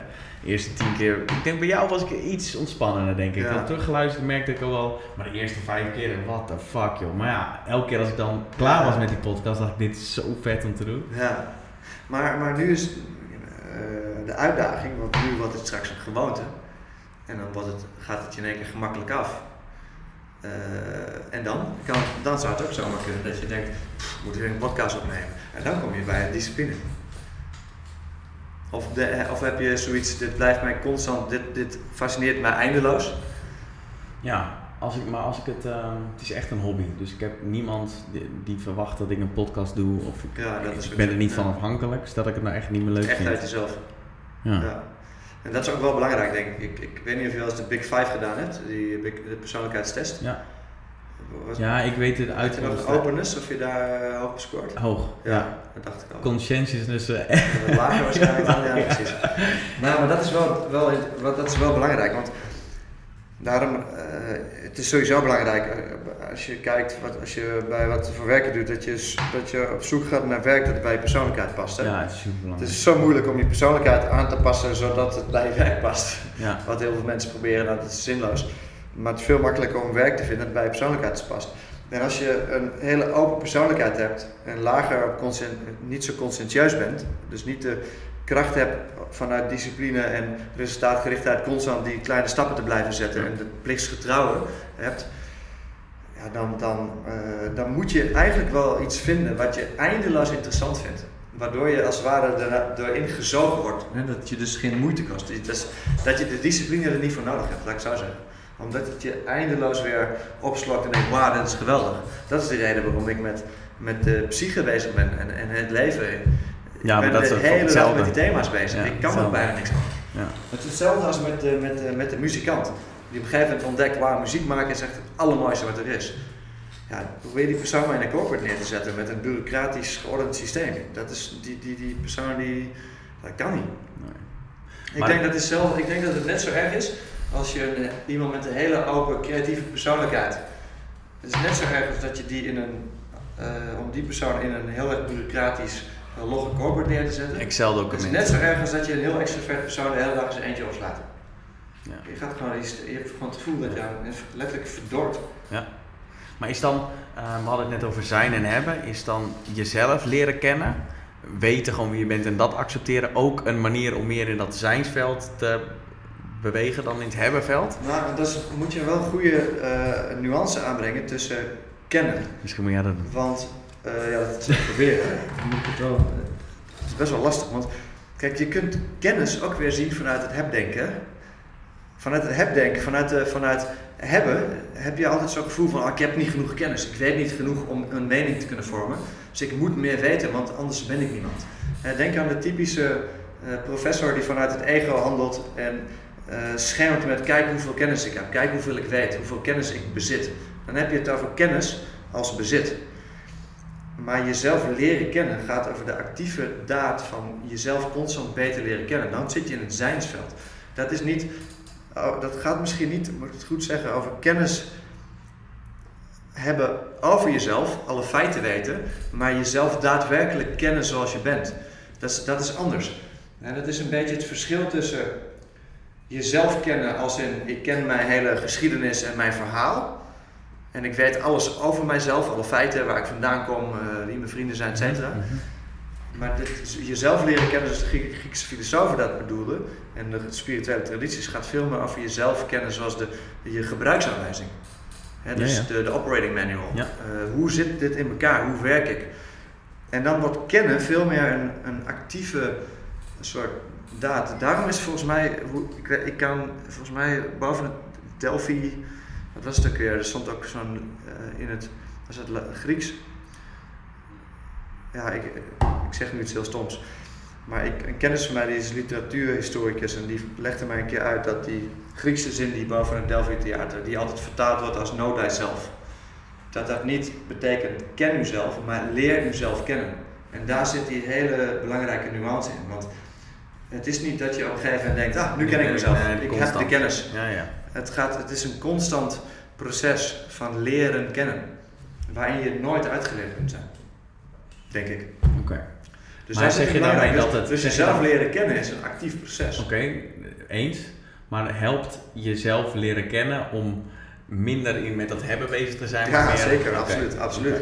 En vooral ook leren kennen waar je behoefte aan hebt en wat je verlangens zijn. En, en hoe dit hele ding waar je in het, leven, het lichaam waar je zit, hoe het, Ja. het werkt. Maar om dat op een gegeven moment wie je bent en wat je verlangens en je behoeftes en je ambities zijn, om de, om de rest van je leven daarmee in lijn te brengen, is dat dan een manier om. Maar stel dat je erachter komt dat je, ik weet niet of het een goed voorbeeld is, maar gewoon echt heel graag dure auto's wil en een, eh, een boot en al die dingen. Zeg je dan van, van nou, dan is dat heel erg in het zijn, zo moet je dat lekker doen, ook al is het allemaal hebben? Of is een, als je jezelf leert kennen en je zou dat echt doen, dan heb je uiteindelijk geen boten en rijkdom en auto's meer nodig. Nou ja, ik zeg vooral, mensen moeten vooral doen wat ze zelf denken dat ze moeten doen. Wie ben ik om te zeggen wat ze moeten doen? Laat ze, Kijk, de kunst is dat je jezelf erv- leert ervaren wat voor jou werkt en wat voor niet werkt. eh, wat niet werkt. En de belangrijkste les die ik ooit heb geleerd, denk ik, is dat ik alleen maar voor mezelf kan uitvinden wat voor mij werkt. En dat een ander moet uitvinden wat voor hem of haar werkt. Eh, voor de een werkt het misschien om eh, inderdaad eh, dure huizen te kopen. En weet je, wat, wat ik ook geweldig, wat lijkt me ook leuk om in een mooi groot huis te wonen. Alleen, er is een reden dat het verhaal van de Boeddha, Boeddha is geboren in een paleis. En wat is het paleis? Het paleis is het, vanuit, vanuit de, de heb-modus is het paleis het ultieme. Wonen in een paleis betekent je hebt alles. Maar hij ging niet van niks weg uit het paleis. Omdat hij ontdekte van wacht even, dat is niet alles. Er is meer. Ik wil mijn zijn, ik wil mijzelf leren kennen en ontwikkelen. En dan heb je het over die zijn-staat. Dus dat leidt dan af. Ja, dus ik zie heel vaak mensen Dus die eigenlijk een hele dus mooie manier. hebben, maar die dus zich zo leeg voelen van binnen en dan maar naar hele gekke feestjes gaan. of Met hele gekke dingen doen. gekke dingen moeten gaan doen. Of dus heel erg die high moeten voelen van bijvoorbeeld hele uitdagende sporten gaan beoefenen. Om, om constant maar die high te voelen. Terwijl volgens mij is dat gevoel van, van, vanuit het zijn, dat op het moment, als ik, dan kan ik alleen maar voor mezelf spreken, op het moment dat ik, heel stom voorbeeld, ik zat vanochtend zat thuis en ik zat heerlijk, gewoon lekker in mijn vel en ik, had ik heb al twee dagen een zo'n kleine libelle, die dus constant tegen het raam vliegt, die niet naar buiten kan. Ik heb hem gisteren geprobeerd te vangen om hem naar buiten te doen, dat lukte niet. En ik was gewoon op een gegeven moment, vanmiddag zag, vanochtend zag ik hem weer zitten. En ik met zo'n bakje in de weer. En uiteindelijk lukte het me om, om hem naar buiten te helpen. En toen stond hij ook nog heel grappig aan de andere kant van de raam even weer te tikken. Eh, en ik zwaaide nog zo voor de grap. En toen vloog hij weg. En ik merkte dat terwijl ik daar de hele tijd mee bezig was, zat ik eigenlijk gewoon heerlijk in mijn vel. Was ik echt aan het genieten daarvan. En wat ik dan besef elke keer is dat het, dat, dat geluk waar we zo naar op zoek zijn, dat zit hem helemaal niet in die, die, die pieken. Maar juist in die, die soort van glow die ontstaat op het moment dat je gewoon lekker kalm met iets bezig bent waar je helemaal in opgaat. En waarbij het denken gewoon stil is. En, en, en, en ik heb een beetje het vermoeden dat op het moment dat je juist niet in die staat bent, dat je het dan gaat zoeken in excessen. Hmm, Dat is mijn vermoeden, maar dat weet ik niet zeker. Oké. Maar goed, voor hetzelfde geld is het helemaal niet zo. En ik zeg ook maar wat. Ja. Ja, oké. Het is een bescheiden manier om te zeggen dat misschien dingen hebben wel niet eh, de weg naar Nou, kijk, we hebben dingen nodig. Het lijkt er heel eerlijk in zijn, maar het, eh, eh, het wordt een probleem, en dat zeg ik zo ook in het boeddhisme, het wordt een probleem op het moment dat je aan dingen gaat hechten.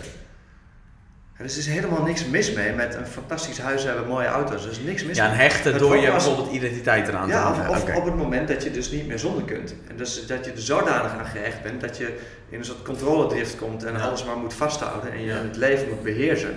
Wat je dus ook in organisaties ziet, hoe hoger we vaak in de top groeien. Ik zie dat nu met mensen om me heen die van mijn leeftijd, die steeds hoger in de organisatie doordringen. Die gaan steeds meer van dat naar dat hebben toe. Ja. Want die krijgen weer een basis zegt, ja, hoe staan de cijfers ervoor? We moeten een beter resultaat hebben. En die zitten ook in het hebben vast. En ja, dat is... Maar ook eh, in relaties denk ik, op het moment dat je de ander nodig hebt om gelukkig te zijn, dan kan ik me voorstellen dat dat niet goed doet voor de dynamiek in de relatie. Nou ja, misschien niet. Ja, natuurlijk in die zin is er niks mis mee om te kunnen zeggen dat je wel liefde eh, nodig hebt. Als je Ik denk dat daar ook wel kracht in zit, maar op het moment dat je afhankelijk wordt van de Ja. persoon. ja. En wat ik denk, maar goed, ik ben zeker geen relatie-expert, dat is absoluut niet mijn talent. Maar eh, eh, mijn, mijn leraar, die is wel relatietherapeut, dus die zei er heel mooi van. Hij zegt, het is altijd hetzelfde liedje als ik mensen op de bank heb zitten. Ze kunnen geen onderscheid maken tussen wat van hem is en wat van haar. En dan zegt ze altijd wel, jawel, dat weten we wel, want het huis is- staat op mijn naam, de auto is... En dan zeg ik, nee, nee, dat bedoel ik niet. Maar het bedoelt meer van eh, de verantwoordelijkheden. Mijn geluk is mijn verantwoordelijkheid en niet die van jou. En, en dat soort dingen halen ze door de war. Toen dacht ik, ja, daar kan ik me wel in vinden. ja, ik ook wel, ja. Ik ook wel. Eh, jij moet mij gelukkig maken. Nee, wacht eens even, ik Ja. ben verantwoordelijk voor mijn Ja, geluk. Ja. En als ik maar gewoon vooral goed voor mezelf zorg, dan kan ik dat meer, kan ik ook meer, meer uitdelen. ja. Dat is ook weer gevaarlijk, want het is het gevaar dat je alleen maar met jezelf bezig bent. Ja. Ik, ehm, ik heb, ik denk twee maanden geleden ehm, eh, een situatie meegemaakt en ik nooit iemand verteld en ik dacht op de podcast, denk, nou, ik ga het wel zelf vragen. Ook omdat jij vorige keer eh, het verhaal vertelde over die eh, Marokkaanse gast die je toen op een gegeven moment tegenkwam en die had die Vipassana gehad en jouw angst voor, jouw angst was minder en daardoor kon je ook rustig ehm, ehm, tegen hem praten toen hij agressief op je afkwam, waardoor je een heel mooi gesprek had en hij uiteindelijk in tranen uitbarstte. Ik ehm, eh, was laatst aan het hardlopen en ik kom er steeds meer achter. Ehm, en in lijn daarmee heb ik ooit een quote gelezen: Most of suffering comes from thinking about yourself. Ik heb wel eens de neiging om alleen maar met mezelf te bezig te zijn. Ik was toen twee uur aan het hardlopen en ik hoorde mezelf alleen maar vragen stellen. Ja, ik wil dit en ik moet dit. En ik was alleen maar, alleen maar met mezelf bezig, die twee uur lang. En op een gegeven moment ging ik lopen en toen dacht ik, Thomas, je bent nou twee uur lang alleen maar met jezelf bezig. Is er misschien iemand anders, een vriend van je, die wel een belletje kan gebruiken? Of zou je ouders niet even een keer opbellen Ja. of zoiets, weet je wel? Misschien kun je, want ik weet ook dat anderen helpen, dat dat een goed gevoel kan geven. En ik ervaar dat ook. En op dat moment kom ik aan bij een eh, stoplicht. En er staat daar een blinde vrouw die eh, eh, dat ticketje was uit. Want normaal als het rood is, hoor je tik, tik, tik. En dat was dus eh, dat was uit. En ik zag er zo eh, een beetje verward, nou niet om zich heen kijken, maar ehm, bewegen. Dus ik zeg tegen mevrouw, heeft u hulp nodig? Toen zei ze, ja ik, ehm, eh, ja, ik wil graag naar de overkant, maar dat ticketje is uit. Ik zei, nou oké, ik pak mijn hand wel even beter en dan loop ik er naar de overkant. En toen had ik er, nou op een gegeven moment was ik aan de overkant, zei ze, nou dankjewel. En toen liep ik door. Dacht ik, hoe kan ik hier nou weer betekenis aan geven? Ik ben echt totaal niet zweverig en ik, het lot, I don't know, ik, ik vind het ingewikkeld. Maar is hier betekenis aan te geven? Jij vertelde vorige keer, verhaal over synchroniciteit, dat alles oplijnt met elkaar. Ja. Is er hier ook een voorbeeld van? Of kan het een voorbeeld van Nou ja, dat is een voorbeeld zolang het voor jou, als, zolang jij dat ervaart als een voorbeeld, denk ik. En ehm, kijk, het is ook een stukje bewustwording. Ik merk op het wat, wat mijn ervaring is, en ik weet niet of het klopt, want kan het, kan het misschien ook niet hard maken, maar mijn ervaring is op het moment dat ik me bewust word van iets, en dan gaat een soort belletje, eh, wat jij dus hebt van, goh, misschien moet ik eens het andere. Dan, dan verandert je bewustzijn en dan ben je in één keer naar buiten gericht. En dan zie je in één keer dat er misschien wel eh, honderden mogelijkheden zijn. Waarbij je even iemand van dienst kan zijn. En dit is natuurlijk wel een geweldig voorbeeld. Je kunt bijna geen symbolischer moment voorstellen. Dus in die zin is het een heel mooi iets. Hè? En, en ik heb ook een keer zoiets meegemaakt waar ik ook echt niks van begrijp, maar wat mij wel heeft geopend voor oké, eh, er is meer dan wij kunnen begrijpen. En dat is ook een zo'n soort ervaring als dit. En ehm, Ja, ik weet wel dat je hebt soms wel dat je aan iemand denkt en diezelfde dag kom je iets tegen van die persoon of belt die. ja, En volgens mij is dit te verklaren dat je om zoveel duizend dingen per dag eh, Ja. denkt. Dus dat het soms gewoon toeval is dat je op dat moment, dat het helemaal geen toeval dus is. je kunt het statistisch altijd wel Exact. Maar, en dat zou dit ook kunnen zijn. Ja. Maar jij zegt op het moment dat je bewust ergens van wordt, dan dienen zich waarschijnlijk wel mogelijkheden aan. De ene is wat bijzonder dan de Ja. andere. Maar omdat je blik ergens anders op gericht is, ontstaat ook de mogelijkheid dat er zoiets ja, Kan wat, wat. Carl Jung dacht, en ik heb zijn werk thuis liggen over synchroniciteit. Hij dacht dat synchroniciteit is iets wat constant aanwezig is voor, voor hen die de ogen hebben om dat waar te nemen.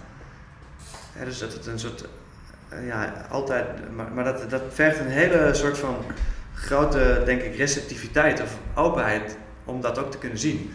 Ik merk dat ik daar heel gevoelig voor ben. En dit zijn ook ervaringen uit het zijnsveld. Hè. Dit zijn ook niet dingen die kun je ook niet doen. Je kunt het niet regelen.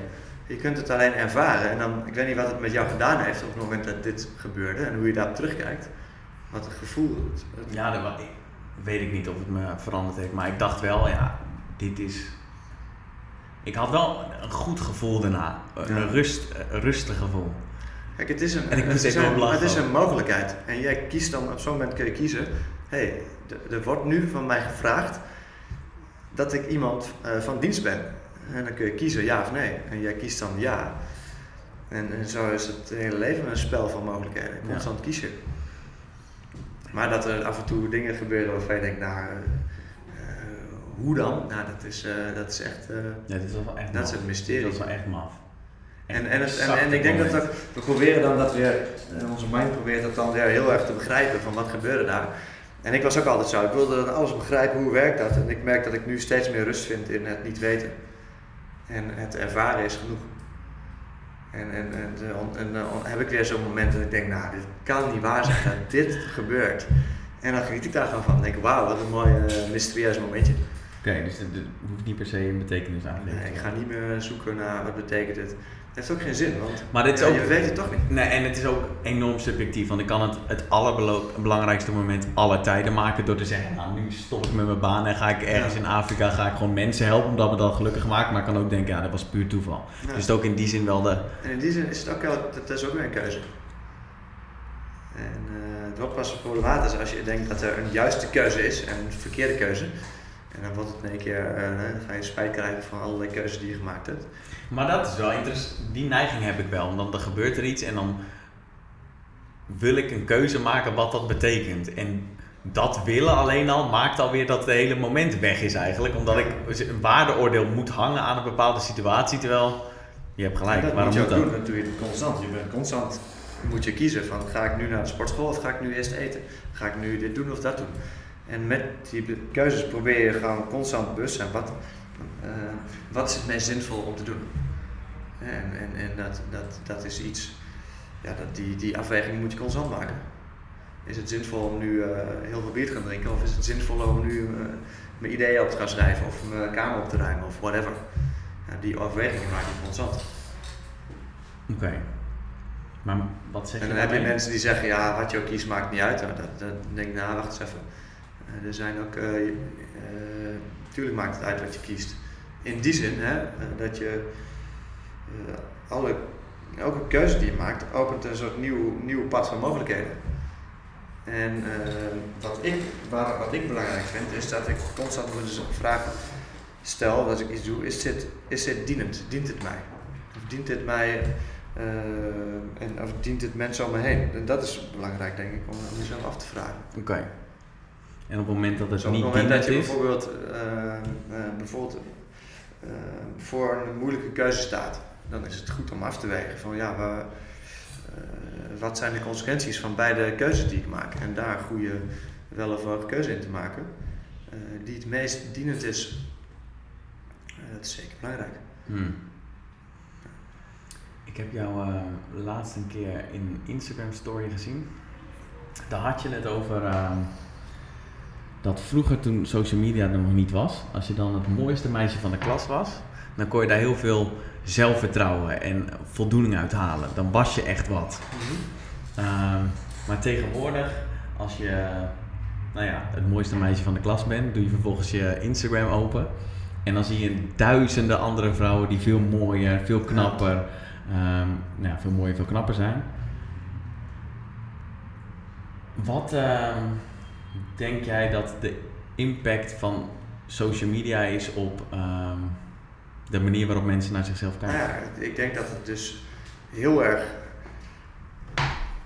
Kijk, we worden constant omringd met idealen. En een ideaal veroordeelt jou per definitie. Per, eh, da- daarom is het ideaal. Een ideaal laat eigenlijk zien, hé, hey, het kan nog beter. De, de, eh, op het moment dat jij, eh, stel je bent de, de nou ja, bijvoorbeeld ook, je bent de beste drummer op het schoolplein. Er is niemand zo goed als je. Stel De beste je drummer? kent- de beste drummer. Ik noem- je kent niemand, de- niemand die je kent in de wereld is een betere drummer dan jij. Dan, dan ben jij het ideaal. Waar andere mensen naar kijken. Maar op het moment dat jij in één keer in een andere soort van omgeving wordt neergezet, waar in één keer allemaal drummers zijn die veel beter zijn dan jij, dan in één keer verschuift het ideaal. En dan met dat ideaal, met die verschuiving, word jij je bewust van dat het nog beter kan. En kijk, de een confronteert dat. De een wordt daar onzeker van. De een denkt, oh, ik ben niet wat ik moet zijn. En, eh, ik heb niet genoeg status, whatever. Die komt in onzekerheid. De ander laat zich daardoor inspireren. En denkt, Ja. wow, Ja, ja, ik wil zo zijn. En ik, Wat, ben je- Dus wat heb is- jij? Als je zo, eh, als je ideaal tegen nou ja, ik heb, als ik eh, idealen, dat schrijf ik ook in mijn boek. Dat, kijk, de, de, de helden die mij inspireren zijn vaak de mensen waar ik een deel van mijn eigen potentieel in zie. En, en, en dan zie ik iets van mezelf wat nog niet gemanifesteerd is, maar wat ik misschien ook wel zou kunnen als ik al mijn energie erin stop. In die zin inspireert het mij gigantisch. Michael Jackson zei dat ook, hè? die zei de, de, the best education is watching the masters at work. Ik dacht dat je ging zeggen dat Michael Jackson, ik denk misschien nog een eh, carrière als artiest. nee, nee, nee, eh, laten we dat niet doen. Nee, nee, nee, nee. Mag eens over Ik ik- de moonwalk. Ik eh. te veel bier dan Ja, dan wil het nog wel. doen, maar dan eh, worden mensen blij van in die zin dat het lachwekkend is. Ja, ja, ja. Dat ze Nee. het zelf niet hoeven te doen. Nee, maar, maar het is belangrijk. Kijk, dat, eh, met constant. En, en wat ik wel een beetje zie gebeuren, en dat vind ik een beetje zorgwekkend, is dat we. Dat sommige mensen kunnen niet met idealen omgaan. Dus wat gaan ze dan doen? Dan gaan ze ideaal proberen te vernietigen. En we zijn heel erg bezig met idealen veroordelen. Eh, je mag bijna niet meer perfect zijn. Ja, dit, je mag dit merk ik wel erg. Dit merk ik wel Ja. En dat is eigenlijk, komt dat heel mooi terug al in, in heel veel oude verhalen. Kain en Abel, eh, een van de oudste bijbelverhalen, is een prachtig voorbeeld, broedermoord. Hè, eh, mijn broer is succesvoller dan ik, Eh, het ideaal. oh, dat kan ik niet aan, want dat doet mij inzien dat ik niet geweldig ben, dus ik vermoord mijn broer. Wat doe je dan? Dan vernietig je het ideaal. En, en wat ik ook vaak zie gebeuren is dat we ideaalbeelden soort van proberen af te breken. En misschien komt het omdat, we ons te, omdat het te confronterend is. En dat vind ik heel zorgwekkend. Dat zie je ook in, volgens mij in Pinocchio, uh, die film. Dat op een gegeven moment ook die kids alle soort van prachtige gebouwen, idealen aan het afbreken zijn. Uh, en, en dat zie je ook een beetje, zie ik soms ook wel een beetje in de westerse wereld ontstaan. Dat we een beetje, uh, je mag bijna niet meer perfect zijn. Je mag bijna niet meer ambitieus zijn en, en, iets vets in de wereld neerzetten, want dan word je al gelijk weer veroordeeld. Je bent een strever of je bent. Nou, op zich, hard werken wordt dan nog wel geïdealiseerd in het Westen. Ja, zeker wel. Dat is altijd wel zo geweest. Ja. Maar, maar het, het ideaalplaatje wordt een beetje. Dan heb ik het idee dat mensen een beetje moe van worden. Ja. Het kan ook confronterend zijn als je constant omringd bent met ideaalbeelden. Ja, en ik kan me ook Kun je voorstellen... worden. Alleen wat je dan, dan zit je alweer in het, in het denken dat waarom zou je je moeten meten met anderen? Iedereen heeft zijn eigen unieke pad te bewandelen en uh, je hebt je eigen verhaal te schrijven. Je ja. kunt niet het verhaal van een ander kopiëren. Ja. Nou, dat. En jij, jij zegt net dat als je een, uh, een ideaal van jou ziet, dan inspireert je dat omdat je een deel van je eigen potentie in die persoon ziet. Maar als het je inspireert, dan heb je ook ergens het vertrouwen en het geloof dat als je je energie erin steekt, Ik dat je dat dat potentie ook kan benutten. ja, maar er zijn, ik kan me ook, en dat heb ik zelf ook wel in situaties, steeds minder. Maar als je iets ziet van, oh, dat zou ik ook wel willen, dat je dan überhaupt het geloof of de overtuiging niet dat je dat zou kunnen bereiken. Ja, en dan kan ik me voorstellen dat het makkelijk is om dat ideaal af te breken. omdat je toch niet vertrouwt. denk ja, fuck it, ik kan het niet. Dus dan, eh, ja, dat is geluk en dan heb alles in zijn scho schotel Ja, gekregen. Dat voor wat dan ook. verhalen krijg je dan om het voor jezelf goed te praten. Exact, dan ga je net, eh, ja nee, maar dat kan ik want ik weet ik veel wat. Maar dan nog weer is de, de, dus de, het onderscheid te maken is wat, wat mensen vaak zien, is, is het succes.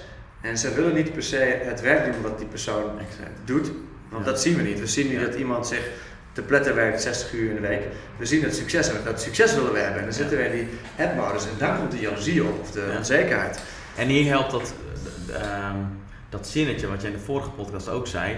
Niet ik wil dat succes, maar ben je bereid om 60 Precies. tot 80 uur Ja, in de week te rijden om om dat te doen wat dat, dat dan genereert. Ja. En dat is wel iets. ehm, kijk, mij, de mensen waar ik door geïnspireerd word, dat zijn mensen die op een bepaalde manier in het leven staan. Dan denk ik, zo wil ik in het leven staan. Dat heeft veel meer met die zijnsmodus te maken dan met alles wat ze hebben. Tuurlijk, toen ik jong was, leek het me ook fantastisch om heel veel geld te hebben. En eh, mooie auto's te rijden. En, eh, weet je, en ik hou ook heel erg van mooie dingen. Mooie ontwerpen, mooie horloges vind ik prachtig. Mooi. eh, En vroeger hield ik daar, eh, eh, hechtte ik me daar alleen nog meer aan. En toen dacht ik, oh wat geweldig als ik dat ook allemaal heb. Alleen hoe ouder je wordt, hoe meer je merkt van ja, wacht eens even, eh, het is ook belangrijk hoe je in het leven wil staan. En nu merk ik dat mijn idolen veranderen.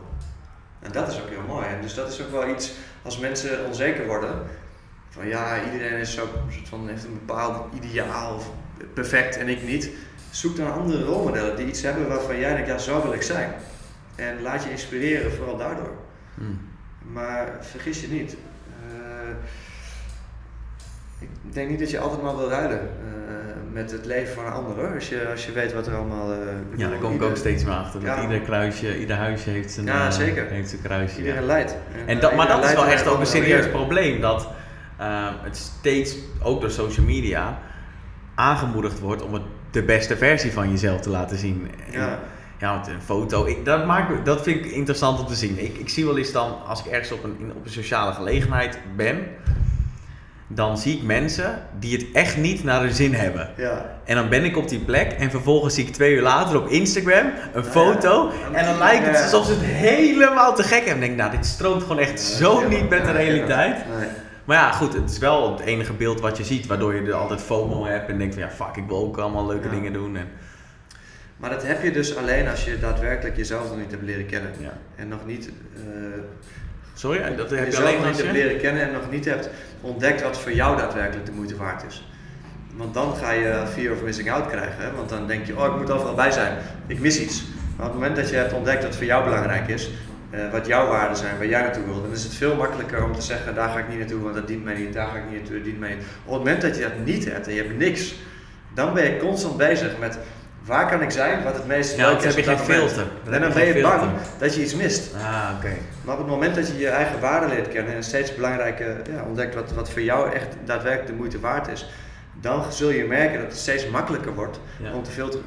Ja. En, om te- en dan is die fear of missing out er ook niet meer. Dan is het, hoorde laatst iemand zeggen, de- die noemde het de joy of missing out. Een soort van, hey, ik, ik hoef het er niet bij te zijn.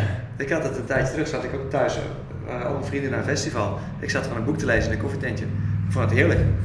En vroeger zou ik echt denken, oh, hoe zouden ze het hebben en wat mis ik? Dat, dat is niet meer. Dus dat, dat, dat verandert dan wel. Je, je noemde het net, eh, daarom is het belangrijk om naar je waarden te leven. Ik heb hier opgeschreven, waarom zijn waarden zo belangrijk? Ik, ken je de confidence gap? Nee. Ehm, nou, fucking goed boek over vertrouwen. En eh, in, die gast, in het boek staat die gast dat vertrouwen niet komt. Heel veel mensen denken dat je eerst vertrouwen moet hebben om actie te kunnen ondernemen. Hij zegt dat is andersom. Ja, Door actie te nemen precies. krijg je vertrouwen. En hij zegt de manier om dat te doen is om je waardes op te schrijven en te handelen naar je waardes. Omdat Ja. je er altijd invloed hebt. Als je gewoon een gedisciplineerd persoon wil bent, dan is het tonen van discipline de manier om dat te doen. Hoe belangrijk zijn waarden ehm, in jouw optiek en hoe hou- verhoudt, verhoudt zich dat tot zijn en hebben? Misschien vooral zijn. Waarden zijn in die zin belangrijk. Is het, die raken jouw wezen. Die gaan over wat daadwerkelijk echt belangrijk voor je is. Als ik, ehm, en, en waarden hebben ook geen oordeel. Kijk, als ik, eh, en dan heb je het vooral voor menswaarden, eh, waarden als integriteit, waarden als compassie. Dat, je- dat is niet goed of slecht. Dat is gewoon omdat het in het gevoelsfeer zit. Kijk,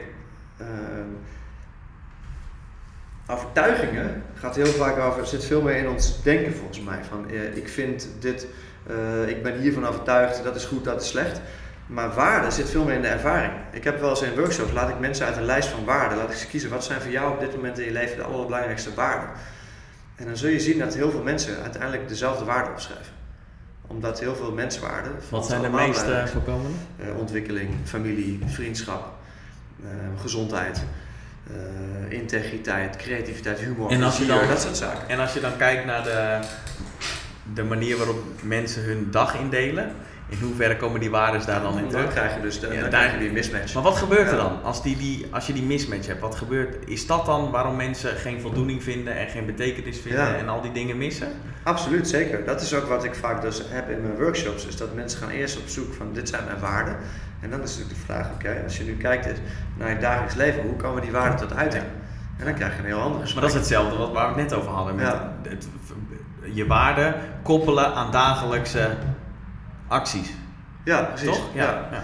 Nou, en ook het bewustwording van wat waarden zijn. Hè? Want ik werk heel veel samen met het Barrett Value Center. Daar ben ik ook door opgeleid. Dat is een organisatie die dus helpt eh waardegedreven gemeenschappen en organisaties eh, te creëren. En ehm, dat doe ik ook samen met een bedrijf, het heet Zero Entropy. En daarmee doen wij eh cultuurveranderingprogramma's binnen organisaties waarbij we helpen om organisaties meer waardegedreven aan te sturen. En dan ga je dus kijken, dan zie je hele mooie dingen. Want op het moment dat je mensen gaat vragen naar persoonlijke waarden, dan zul je zien dat je veel op elkaar lijkt en dat je van elkaar verschilt. Waarden verenigen namelijk mensen. Eh, bijna iedereen vindt familie belangrijk. Gezondheid. Er zijn weinig mensen die zeggen gezondheid boeien, niet belangrijk. De een vindt dat wat belangrijker, hè? vooral de mensen die hebben beseft hoe belangrijk dat is, door gebrek aan gezondheid. Maar dan zie je dus dat waarden eh, mensen verenigen. En wat mooi was met het Barrett Value Center, is dat ze op een gegeven moment hebben onderzocht ehm, wat de waarden zijn in Amerika van bijvoorbeeld een paar duizend democraten en dan de persoonlijke waarden van een paar duizend republikeinen. En dan kwamen ze achter dat die, de top 10 op één waarde na allemaal hetzelfde Ja, waren. ja, ja. Alleen als je het dan gaat hebben over overtuigingen, geloofsovertuigingen, dan ga je mensen verdelen. Dus waarden verenigen, in die zin dat is wat ons mens maakt. Maar de overtuigingen, de manier waarop wij denken dat we eh, die waarden tot uit kunnen brengen, die, daar, daar, daar ga je het hebben over denken en dan ga je verschillen vinden. Dan ga je mensen verdelen. En daarom zijn, daarom zijn waarden zijn belangrijk om, ook voor die, voor dat, voor, om mensen met elkaar te verbinden. En daarom zijn belangrijke waarden in organisaties zijn zo belangrijk om mensen op elkaar te verbinden. Als wij ergens gaan werken en wij vinden allebei kwaliteit ontzettend belangrijk, dan zijn wij daarop verbonden. Als wij ook allebei eh, discipline belangrijk vinden, of, of we vinden het belangrijk dat we ons woord nakomen, eh, dan, dan zijn dat onze waarden, dat verbindt ons met elkaar. Maar vervolgens, zoals je terecht opmerkt, dan moeten we dan gaan kijken, oké, hoe kunnen we dat, dat dan vertalen naar bepaalde gedragingen? En daarom is het zo belangrijk dat je als organisatie ook een soort, ja, dat wordt wel eens culture code genoemd. Ik help dat wel eens met organisaties om ze dat te schrijven. Dat je gaat kijken, hoe vertalen we die waarden nou in gedragingen? Hoe zien die waarden er in het dagelijks leven uit? Ik krijg hier altijd wel, ik heb dit in mijn bedrijf waar ik gewerkt heb, heb ik ook wel dit soort dingen gedaan. En ik geloof er 100% in. Alleen het probleem vaak is dat dan heb je een driedaagse um, uh, retraite met het hele bedrijf. Ja. En dan ga je nadenken over de waarden. Dus ik geloof er ook in. Iedereen heeft dat ook. Ja. Maar vervolgens gaat iedereen gewoon door met de waan van de dag. Vak die waarden wel lekker. Dus ik vind... Maar dat is natuurlijk ook zo. Hè? En, en, en, en dat is, je moet ze continu opnieuw tot leven brengen. En dat is die, die, dat is die, die consistentie. Ja, dat is hetzelfde met tandenpoetsen. Dat moet je elke dag opnieuw weer doen. Ja. En die ene keer dat je mist, maakt het verschil niet. Weet je, maar, maar als je, als je, eh, als je het alleen maar één keer, eh, één keer in drie maanden heel veel je tanden poetst, ja, dat heeft, maakt natuurlijk, zet geen zout aan de dijk. Het gaat om die consistentie. Dus constant opnieuw. ja. En Maar dat is eigenlijk met alles, met alle... eh, En dat is ook met de organisatieverandering. Daarom doen we even meer cultuurtransformatie in plaats van veranderen. Want veranderen is altijd dingen anders doen. Hè? We gaan veranderen. Transformatie is een compleet nieuwe staat van zijn. En dat je vanuit een volledig nieuwe paradigma naar je organisatie kijkt. En dus dat is dus echt transformeren. Je wordt iets compleet nieuws. Je gaat het anders zien wat je aan het doen bent. En met dat je het anders gaat zien, ga je het anders beleven. En met dat je het anders beleeft, ga je anders doen. En wat we vaak doen in organisaties, we beginnen met het gedrag. Iedereen moet veranderen, we gaan anders doen. Maar we gaan niet terug naar wat, wat, wat, wat, waardoor gedragen mensen zich zo. Wat zijn mensen hun waarden? Eh, hoe zien zij de wereld? We gaan niet terug naar die diepte, naar het inzicht. Dus het transformeert er niks. En Want dan heb je dus dat je eh, drie dagen na zo'n uh, retraite gaat en dan kom je terug. Nou, Super geïnspireerd doen en dan een week later zit je weer in het dagelijks leven en dan eh, verandert het niet. En wat daar ook bij belangrijk is, is dat, en dat is eigenlijk hetzelfde met therapie. Zo zie ik mijn werk in organisaties eigenlijk ook een beetje. Eh, het zet pas zoden aan de dijk op het moment, een therapie zet ook pas zoden aan de dijk op het moment dat iemand tot de conclusie is gekomen, ik wil echt daadwerkelijk veranderen. Want zo kan het niet langer. Ja, en als dat ontbreekt, is een, werkt een therapie vaak ook niet. En dat is hetzelfde met de organisatieverandering. Daarom Oké. werken we en met die organisatie alleen met de CEO, de raad van bestuur en eh, eh, HR. Om echt, eh, die moeten echt vanuit zichzelf willen veranderen. Ook zelf willen veranderen, niet die anderen veranderen, maar zichzelf veranderen. En anders heeft het helemaal geen zin. En dan krijg je dus dit soort dingen. We gaan even iedereen inspireren, dan huren ze mij aan spreker. En dan, ja, ja, weet je, dan eh, even een leuke, leuke ervaring. Ja. Hebben we een ervaring gehad, hè? Hebben we iets, iets, Mhm. iets gehad, Hepveld. Maar ik kan me voorstellen dat individueel voor ons ook geldt dat als je niet echt wil veranderen. Gebeurt dat vaak, denk je? Dat mensen wel heel graag. eh, ik, ik heb een tijdje mensen eh, begeleid om fitter te worden. En dan sprak ik ook wel eens mensen die aan het overwegen waren of ze mijn diensten eh, wilden afnemen. En dan had ik ook vaak het idee: volgens mij wil je het. Je zegt wel dat je het wil, Ja. maar volgens mij wil je het niet echt. Nee, maar dan is, dan is het. Vaak willen ze het resultaat wel, maar ze willen het, de Oké. actie niet uitvoeren die ja, tot het nou, dat resultaat geloof ik. leidt. Dat geloof ik. En Ja. je wil een, eh, een, eh, je wil er fit uitzien van de zomer, maar je wil eigenlijk niet naar de gym. Ja. Dat, dat, daar zit het hem dan in. Ja, en Maar dat, dat pas wat als je oprecht ook naar de gym wil. Maar dat, daarom is het zo belangrijk volgens mij om dingen te vinden die je leuk vindt. Ja, Die je, die je geen moeite kosten om te doen. absoluut. Want dan heb je, dit hele, ga- dan heb je dat gauw hoor niet. Dat je discipline nodig hebt en iedere ochtend om vijf uur je bed uit en een strak regime en eh, Ja. elke minuut moet tellen. Als je gewoon shit doet die je leuk vindt, sporten. Ik doe het, vind het te gek. Ja, dat Ja. kost me geen moeite. Nee. Maar ja. Ja, dat, is- dat, is, dat, dat, dat maakt het een stuk makkelijker. ja. Nee, en, en sommige mensen hebben ijzerdiscipline. Cristiano Ronaldo vind ik een prachtig voorbeeld van iemand die, die eh, ja, zo'n soort super sportman is geworden. Door, door die constante focus. Een soort van. eh, Maar zal die bezig zijn, zal die in het hebben of in het zijn, eh Nou, dat vind ik een hele interessante. Ik heb er wel eens over nagedacht. Kijk, hij ontwikkelt zich wel ook meer als mens steeds meer. Maar ik heb altijd een tijd gehad in de beginjaren bij Ronaldo dat... Kijk, als je bijvoorbeeld kijkt naar Ronaldo en Messi. En nu ga ik misschien hele stomme dingen zeggen, want ik ben niet een ontzettende kenner op, op dat vlak qua voetbal. Maar ik, ik, ik, ik, ja, ik ben heel erg gecharmeerd van beide. Alleen het zijn twee compleet verschillende voetballers. Ik heb wel eens gezegd, ehm, Ronaldo voetbalt omdat hij van winnen houdt. Messi wint omdat hij van voetballen houdt. En wat ik daarmee bedoelde is, Ronaldo is, de manier waarop hij ook praat, die praat heel vaak over dingen als die gouden bal willen, willen hebben. Eh, meer gouden ballen hebben dan Ronaldo, of dan Messi. Terwijl Messi praat helemaal niet over dingen. Messi praat over hoe hij van dienst kan zijn voor zijn team. Hoe die, en, en daar had ik altijd het idee van, Messi wil de beste voor zijn team zijn en Ronaldo meer de beste in het team. Die wil de ster zijn. Maar die hebben volgens mij ook allebei een heel andere drijfveer. En dat, dat kun je volgens mij ook wel terugzien als je kijkt naar hun historie, hoe ze opgegroeid Ja. zijn, wat hun omstandigheden zijn waarbinnen ze zijn opgegroeid. En daar weet ik niet veel over natuurlijk. Nee, maar jij gaat vast niet zeggen wat beter is. Want dat, Nee, het, maar het wat, werkt. Alle, maar wat denk werkt. je, maar als je een inschatting zou maken, wie er over het algemeen door, door de dag heen een leukere tijd heeft, wie denk je dat dat is? Ik denk Messi. Kijk, Messi is in die zin het natuurtalent zoals ik het zie hoor. Al moet ik zeggen dat hij de laatste jaren ook een beetje voelt dat hij wat anders in zijn vel zit. Hij is meer dat ego ook gaan ontwikkelen. Met tattoos en alles en andere kapsels proberen. Maar als je Messi ziet voetballen, is het alsof je een kind in een flow op ziet gaan. Ja. En dat is het, dat is het zijn. Dat is het ultieme. Eh, eh, in het moment zijn. Cruijff had het ook heel erg. Cruijff was ook een soort van eh, voorbeeld van flow. Die zei ook wel eens van ja, dat hele vrijlopen van mij, mensen willen weten hoe ik het doe, maar ik heb geen idee, in het veld gebeurt het vanzelf. En, en Messi is ook zo'n voetballer. Dat is gewoon de speelsheid, de onbevangenheid, het, eh, de, de, de, fun is in de play. Bij Ronaldo zie ik veel meer iemand die vooral de beste wil zijn, omdat hij misschien nog wel struggelt met het gebrek aan erkenning dat hij nooit van zijn vader kreeg. Omdat zijn vader was volgens mij alcoholist, maar nu weet ik, dat is wat ik uit de biografie een keer heb gelezen. En waarbij hij zich nooit erkend voelde. En er kan nog wel iets in zitten van, zie mij, ik wil iemand zijn. Dat, dat, of iemand worden vanuit het, ja, dat- maar dat, dat, dat weet ik niet genoeg Nee. over. Nee. Maar dat zie ik soms nog wel eens. Ik heb het gevoel dat, dat hij minder vrij is. Als in vrij, maar meer nog een... En dat is eigenlijk heel mooi wat, wat, wat Fromm ook stelt, hè. Eh, om, om daar weer terug te komen. Eh, de betekenis van het woord activiteit. Wat is eigenlijk activiteit? Wij zien vaak in de westerse wereld iemand die als een Ronaldo zien wij als de meest actieve mens misschien wel die we ons kunnen voorstellen. From zou misschien stellen, ja wacht even, het zou kunnen zijn dat die persoon juist het meest passief is. Omdat hij gedreven wordt door een bepaalde angst of een hebzucht of een verlangen en dus niet vrij is, maar Mhm. als het ware een slaafje is van een bepaalde drijfveer. Ja.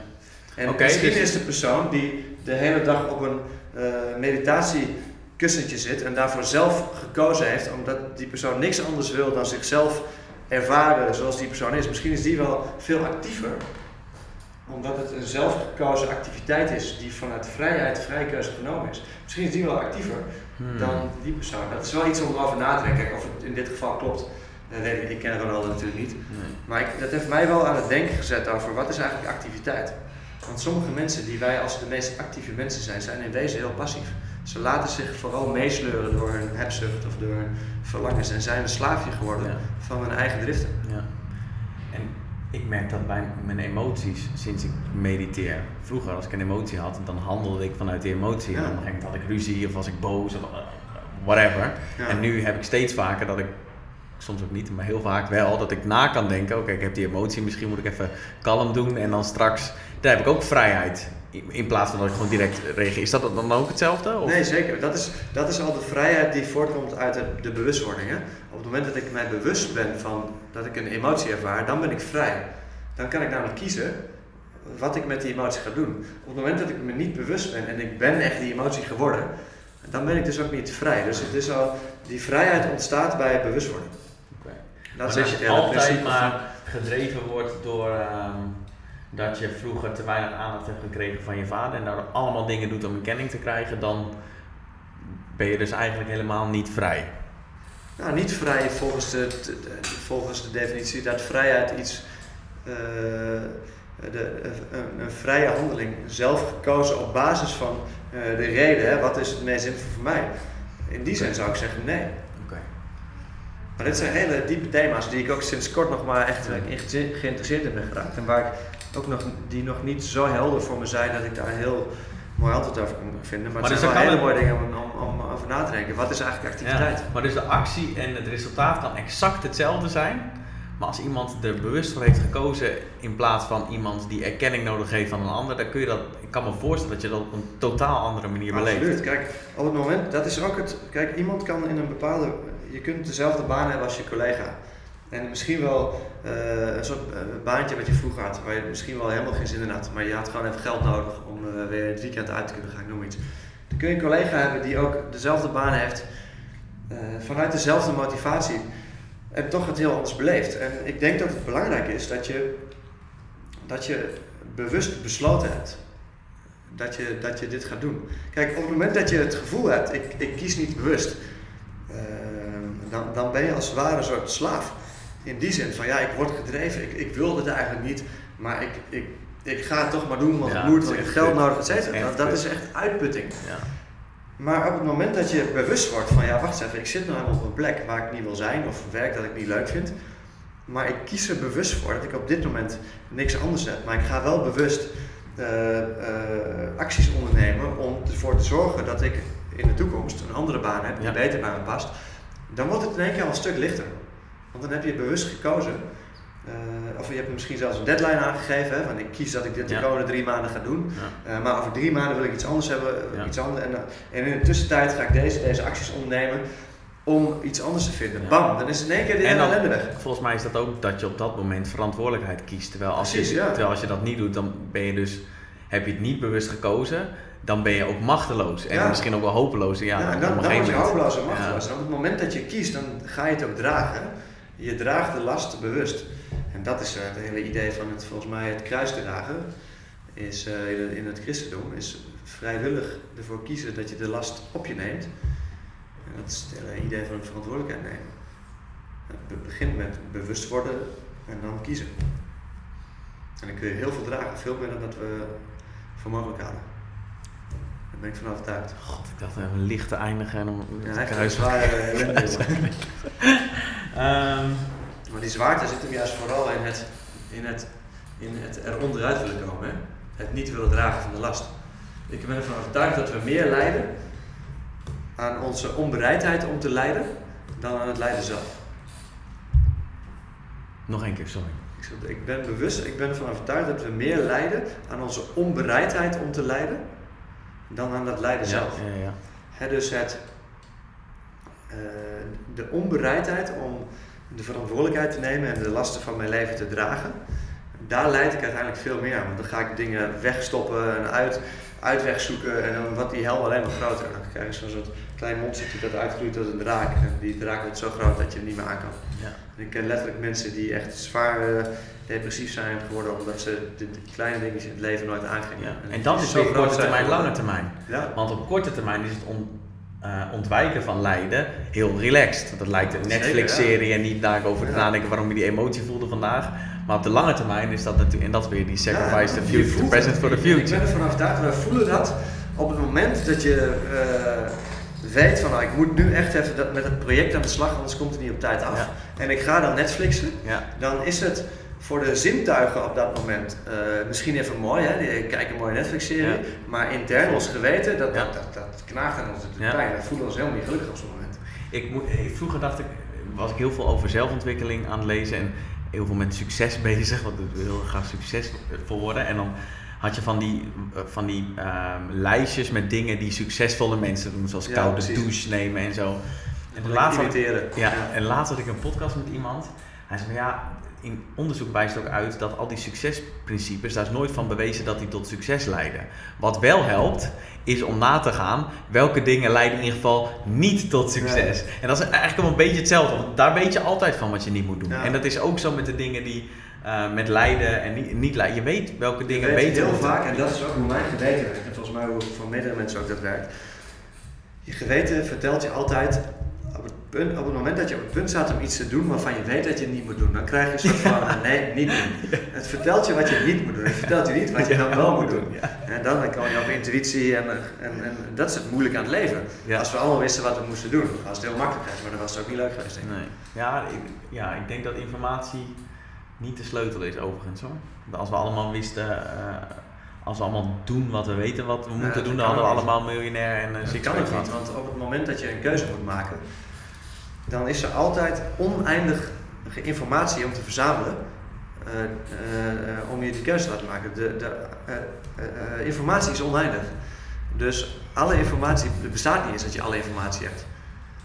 Dus op het moment dat ik voor een keuze sta, dan kan ik me gaan inlezen van nou, wat is eh, belangrijk, et cetera. Er is steeds meer informatie, maar er komt een punt dat je, denkt, dat je gewoon ontdekt van ja, ik kan nog meer informatie zoeken, maar ik moet toch een keuze maken. Dus dat is. eh, En dan heb je mensen die gewoon, gewoon maar blind keuzes maken elke keer en daar prima mee wegkomen en heel zelfverzekerd worden. En mensen die nooit kiezen en worstelen. En, Ja, dus dat, is, dat is ook, een- zijn ook van die dingen. Ja, Maar informatie is inderdaad niet de sleutel. Nee. Natuurlijk, je hebt wel informatie nodig. Je hebt relevante informatie nodig om tot een goed, goede besluitvorming te komen. Ja, Maar, eh maar maar eigenlijk... ook te veel informatie Ja, proberen te zoeken, waardoor het steeds misschien wel meer een vouwboel wordt. ja. Maar dat vind ik ook zo fascinerend. Als je kijkt naar afvallen, dan als je minder eet dan je verbrandt en je sport, dan val je af. Er zijn heel veel mensen die hebben schulden.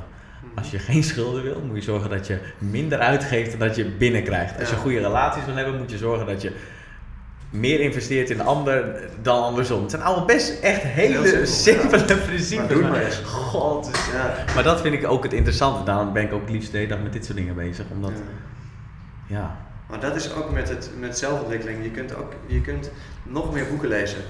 En, en, maar stel dat je alle boeken gelezen hebt in de hele wereld, dan nog ja, heb je waarschijnlijk geen idee wat je nu op dit moment moet gaan doen. ja. Nee, eens, ik, ik doe het ook niet meer constant boeken lezen. Ja, het is een soort vanity metric is het. eh, dat het misschien nog wel wat meer helpvol is om gewoon in je eentje in de, natuur te gaan wandelen. En gewoon de stilte op te zoeken. En gewoon alles gewoon lekker te laten zakken. En uit, die, uit het denken te komen. En vooral in het zijn terecht te komen. En als je in het zijn... Kijk, vanuit het zijnsveld maakt het ook niet uit wat je kiest.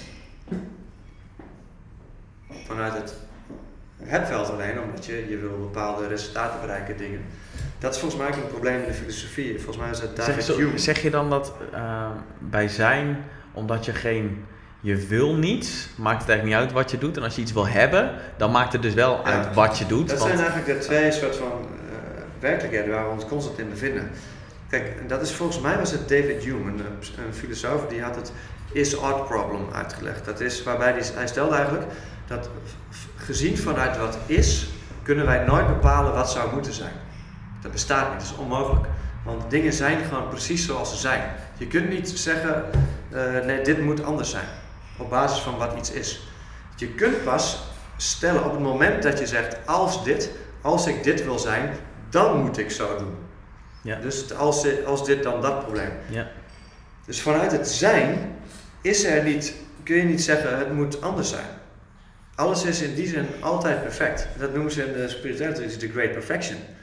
Alles is perfect. Alleen, ik leef wel in een werkelijkheid met tijd en ruimte en een lichaam dat allerlei behoeften heeft. Waarbij ik dus wel eh, keuzes moet maken.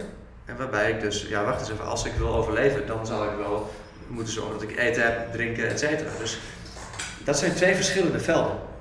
Verschillende werkelijkheden. De ene gaat over growing up in de wereld, je manifesteren, eh, ontwikkelen. De andere gaat over een soort van waking up. Een soort van eh, dingen zien zoals ze zijn. Maar die, die bestaan naast elkaar, die twee. ja. Daar een beetje een balans in vinden. Nou goed, hè? Doe het maar eens. Dat is Ik zeggen, ja, dat is het hele ding, ja. Dat Daar heb, we- dat heb ik elke daar is keer. training dan voor ik- nodig en, Ja. en, en ontwikkeling en continu. eh, daar zul je toch discipline ook voor nodig hebben. Ja. Met alleen interesse kom ik niet. Om dan uiteindelijk nog ehm, even praktisch te worden. Ja. Wat zijn dingen die jij dagelijks of om de zoveel tijd doet om jezelf beter te leren kennen? Eh, mediteren. Ik eh, mediteer tegenwoordig ongeveer een uur per dag, soms twee uur. Ja joh? Ja. Ik heb een tijd lang 's ochtends een uur, 's avonds een uur, maar dat werd op een gegeven moment echt too much. Dat, eh, dat- In, als ik in kleermaker zit? Nee, ik ga gewoon op de stoel zitten. Je knieën, ik heb die, heel erg last van mijn linkerknie. Sinds ik voetbalde vroeger al. Eh, daar heb ik echt heel erg last van. En op een gegeven moment, eh, bij zo'n tiendaagse leer je op een gegeven moment gewoon dwars door die pijn heen te zitten. Maar er komt ook een punt dat ik op een gegeven moment dacht, toen het weer, dat ik weer uit die soort van staat kwam, dat ik dacht, oeh, dit voelt alsof ik iets doe wat ik niet moet doen. Ja. Dus ik ben op een gegeven moment op een stoel gaan zitten en ik mediteer dus ook gewoon op een stoel. Moet ik alleen wel niet tegen de leuning gaan leunen, merk ik, maar rechtop gaan zitten, want anders merk ik dat het te comfortabel wordt en dan val ik in slaap. Ja, ja, Dus ik moet wel iets van een Ik moet ook zitten. ervaren, Ik moet ook dus, zitten. eh, Ja. Dus dat doe ik heel erg om mezelf te leren kennen. Nou ja, volgens mij zijn de beste manieren om jezelf te leren kennen is altijd in relatie tot iemand anders. Dus als je in relatie bent met iemand, eh, in vriendschap, eh, als je met mensen samenwoont, je, je partner, dat zijn, die, weet je, dat zijn de prachtige manieren om jezelf te leren kennen. Word dus bewust van alle triggers, eh, alle reacties die je hebt, die onbewust zijn. Probeer je daar eens bewust van te worden. Dat Ja. zijn dingen die, die heel erg interessant zijn. Ik heb ook een, eh, een spiritueel leraar. Heb het volgens mij het, eh, vorige keer over gehad. waar ik eh, eens in de twee weken, soms zelfs wekelijks mee zit. Die man is ontzettend ver, een soort Eckhart Tolle qua kaliber. Eh, ja, die mij ontzettend veel eh, leert. Praat die opdrachten zo meegeeft. langzaam? Nee. Of dat Maar niet? heel helder. En stel ik hem een vraag waarbij hij niet direct antwoord weet en dan zie je hem echt zo. en dan komt er iets uit en dan denk ik, wauw, ik neem ook alles op met hem. Hè. Oh ja? Ik neem alles op Oh, wat ik, eh, alle gesprekken neem op. En dan ga ik ook in de zomer beginnen om dat uit te schrijven in een soort boek. Eh, eh, meeting my mentor. Oh, wat tof. Dat. Ja, heel vet. Wow, tof. En, eh, Journalen, is dat ook iets wat je doet trouwens? Nee. Ik, Nee? Ja, in die zin wel dat ik een noodblok naast mijn bed heb liggen. Dat is wat ik doe. Dus word ik, zo- word ik s'nachts weer wakker met allemaal rare... Ik, ik word letterlijk soms wakker met een zin in mijn hoofd. En heb ik geen idee hoe ik bij die zin kom en wat het betekent. Schrijf het op. Ga ik er een paar dagen over nadenken en dan denk ik, begrijp ik wat het betekent. Eh, dus dat doe ik. Ik maak heel veel aan notities in mijn iPhone. Wat ik ook doe, omdat ik best wel, ik heb natuurlijk best wel veel volgers op Instagram. Dus als ik Instagram opengooi, dan is het gelijk, zie ik allemaal nieuwe berichten en dingen. Gigantisch afleidend. En dan zit ik constant in die app-modus vast, en eh, instant gratification. Ja. Dus ik merkte dat ik steeds meer verslaving ontwikkelde voor mijn iPhone. Maar goed, wat is nieuw? Ik denk dat iedereen ermee wordt stopt. Ja. De manier waarop ik dat heb opgelost, en die werkt echt briljant. Ik heb nu twee iPhones. Eentje, daar staat gewoon alles op. Daar kan ik alles mee doen, alle social media, et cetera. Een andere is gelokt met een code die mijn huisgenoot weet. Die weet ik dus niet, kan ik niet bij. En daar heb ik eh, bij ingesteld dat ik geen apps kan downloaden. En ik heb alle eh, social media apps eraf gegooid. En alleen de functionele apps staan er nog op. Bellen, sms'en, e-mail, eh, ja, eh, navigatie-apps, alle functionele apps.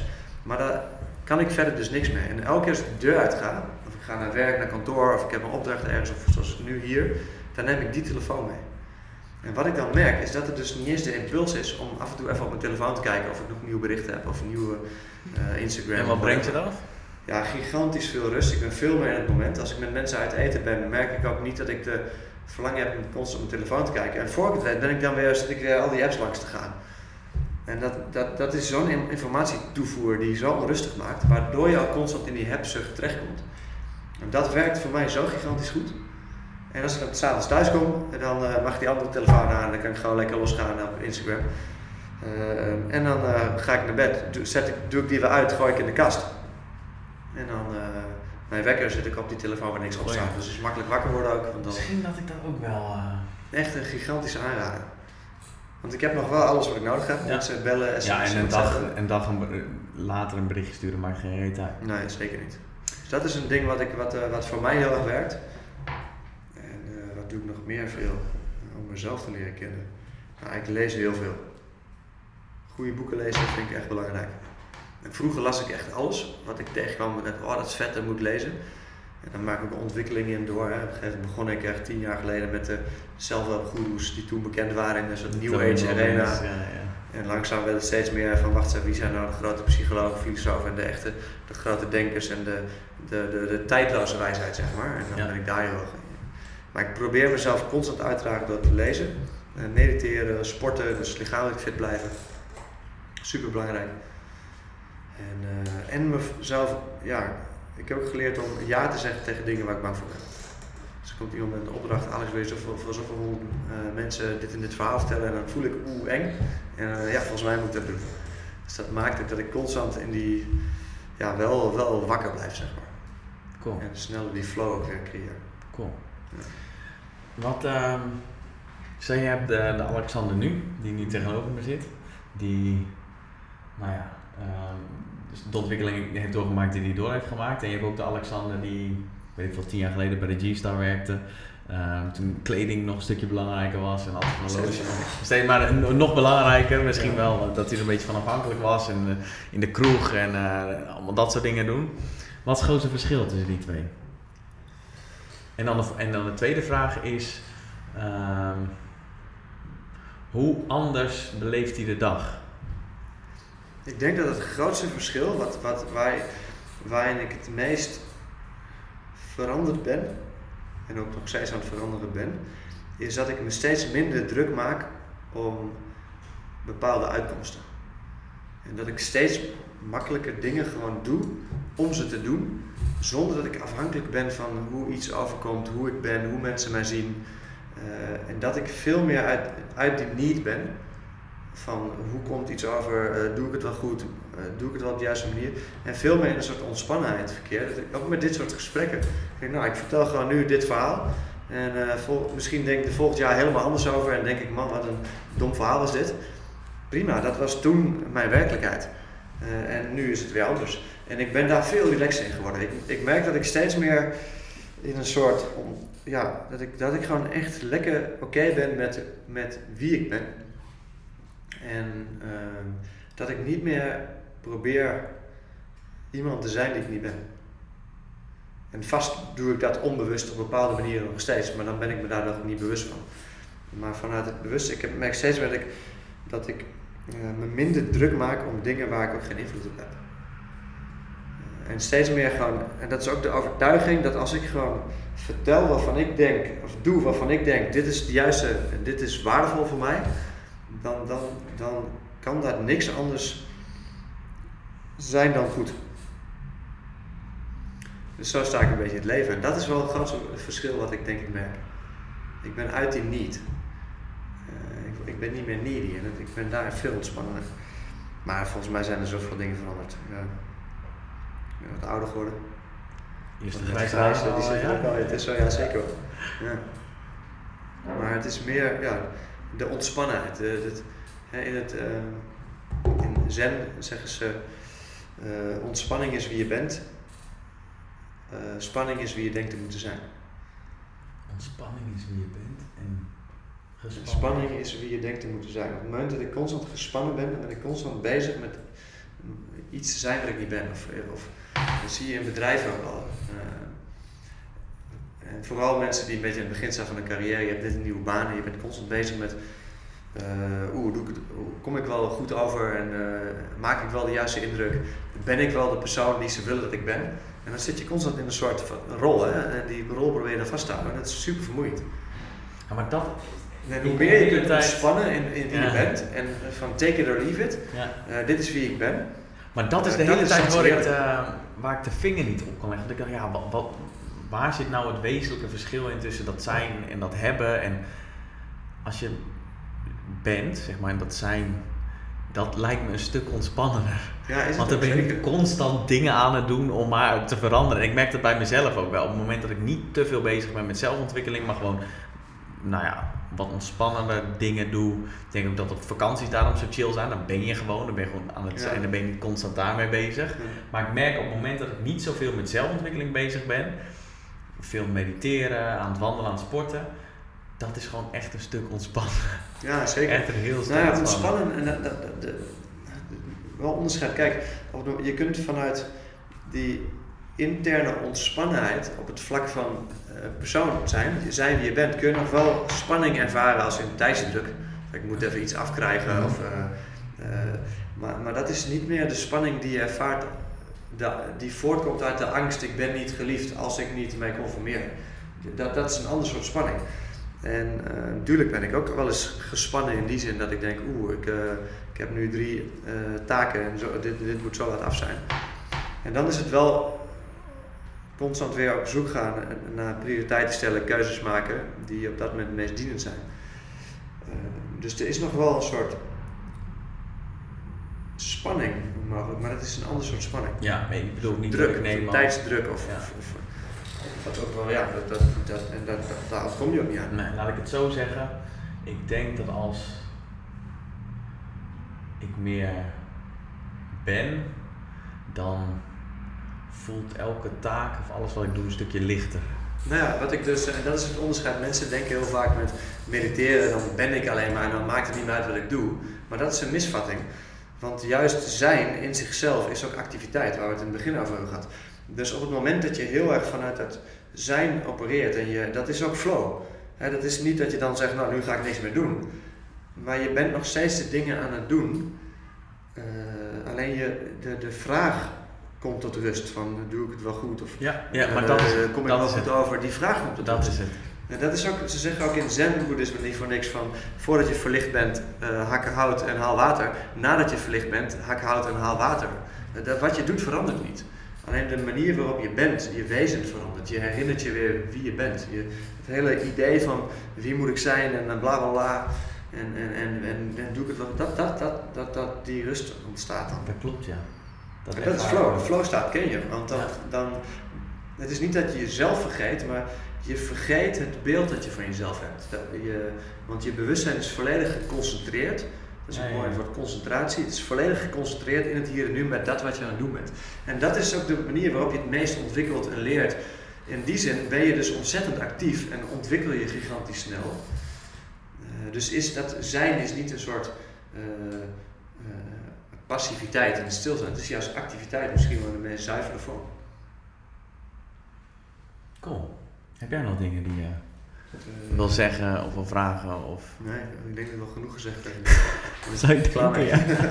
ik ben ook op. Dit is de tweede podcast in één dag, dus ik merk dat ik wel eh, vanochtend in het Engels en volgens mij heb ik heel veel dingen verteld. Ik, dat ik nu gezegd heb, vanochtend ook verteld, alleen dan in het Engels. Dus eh, ja, mooi zo. Thanks man. Nou, leuk. Thanks. Leuk dat we weer gesproken hebben. Ja.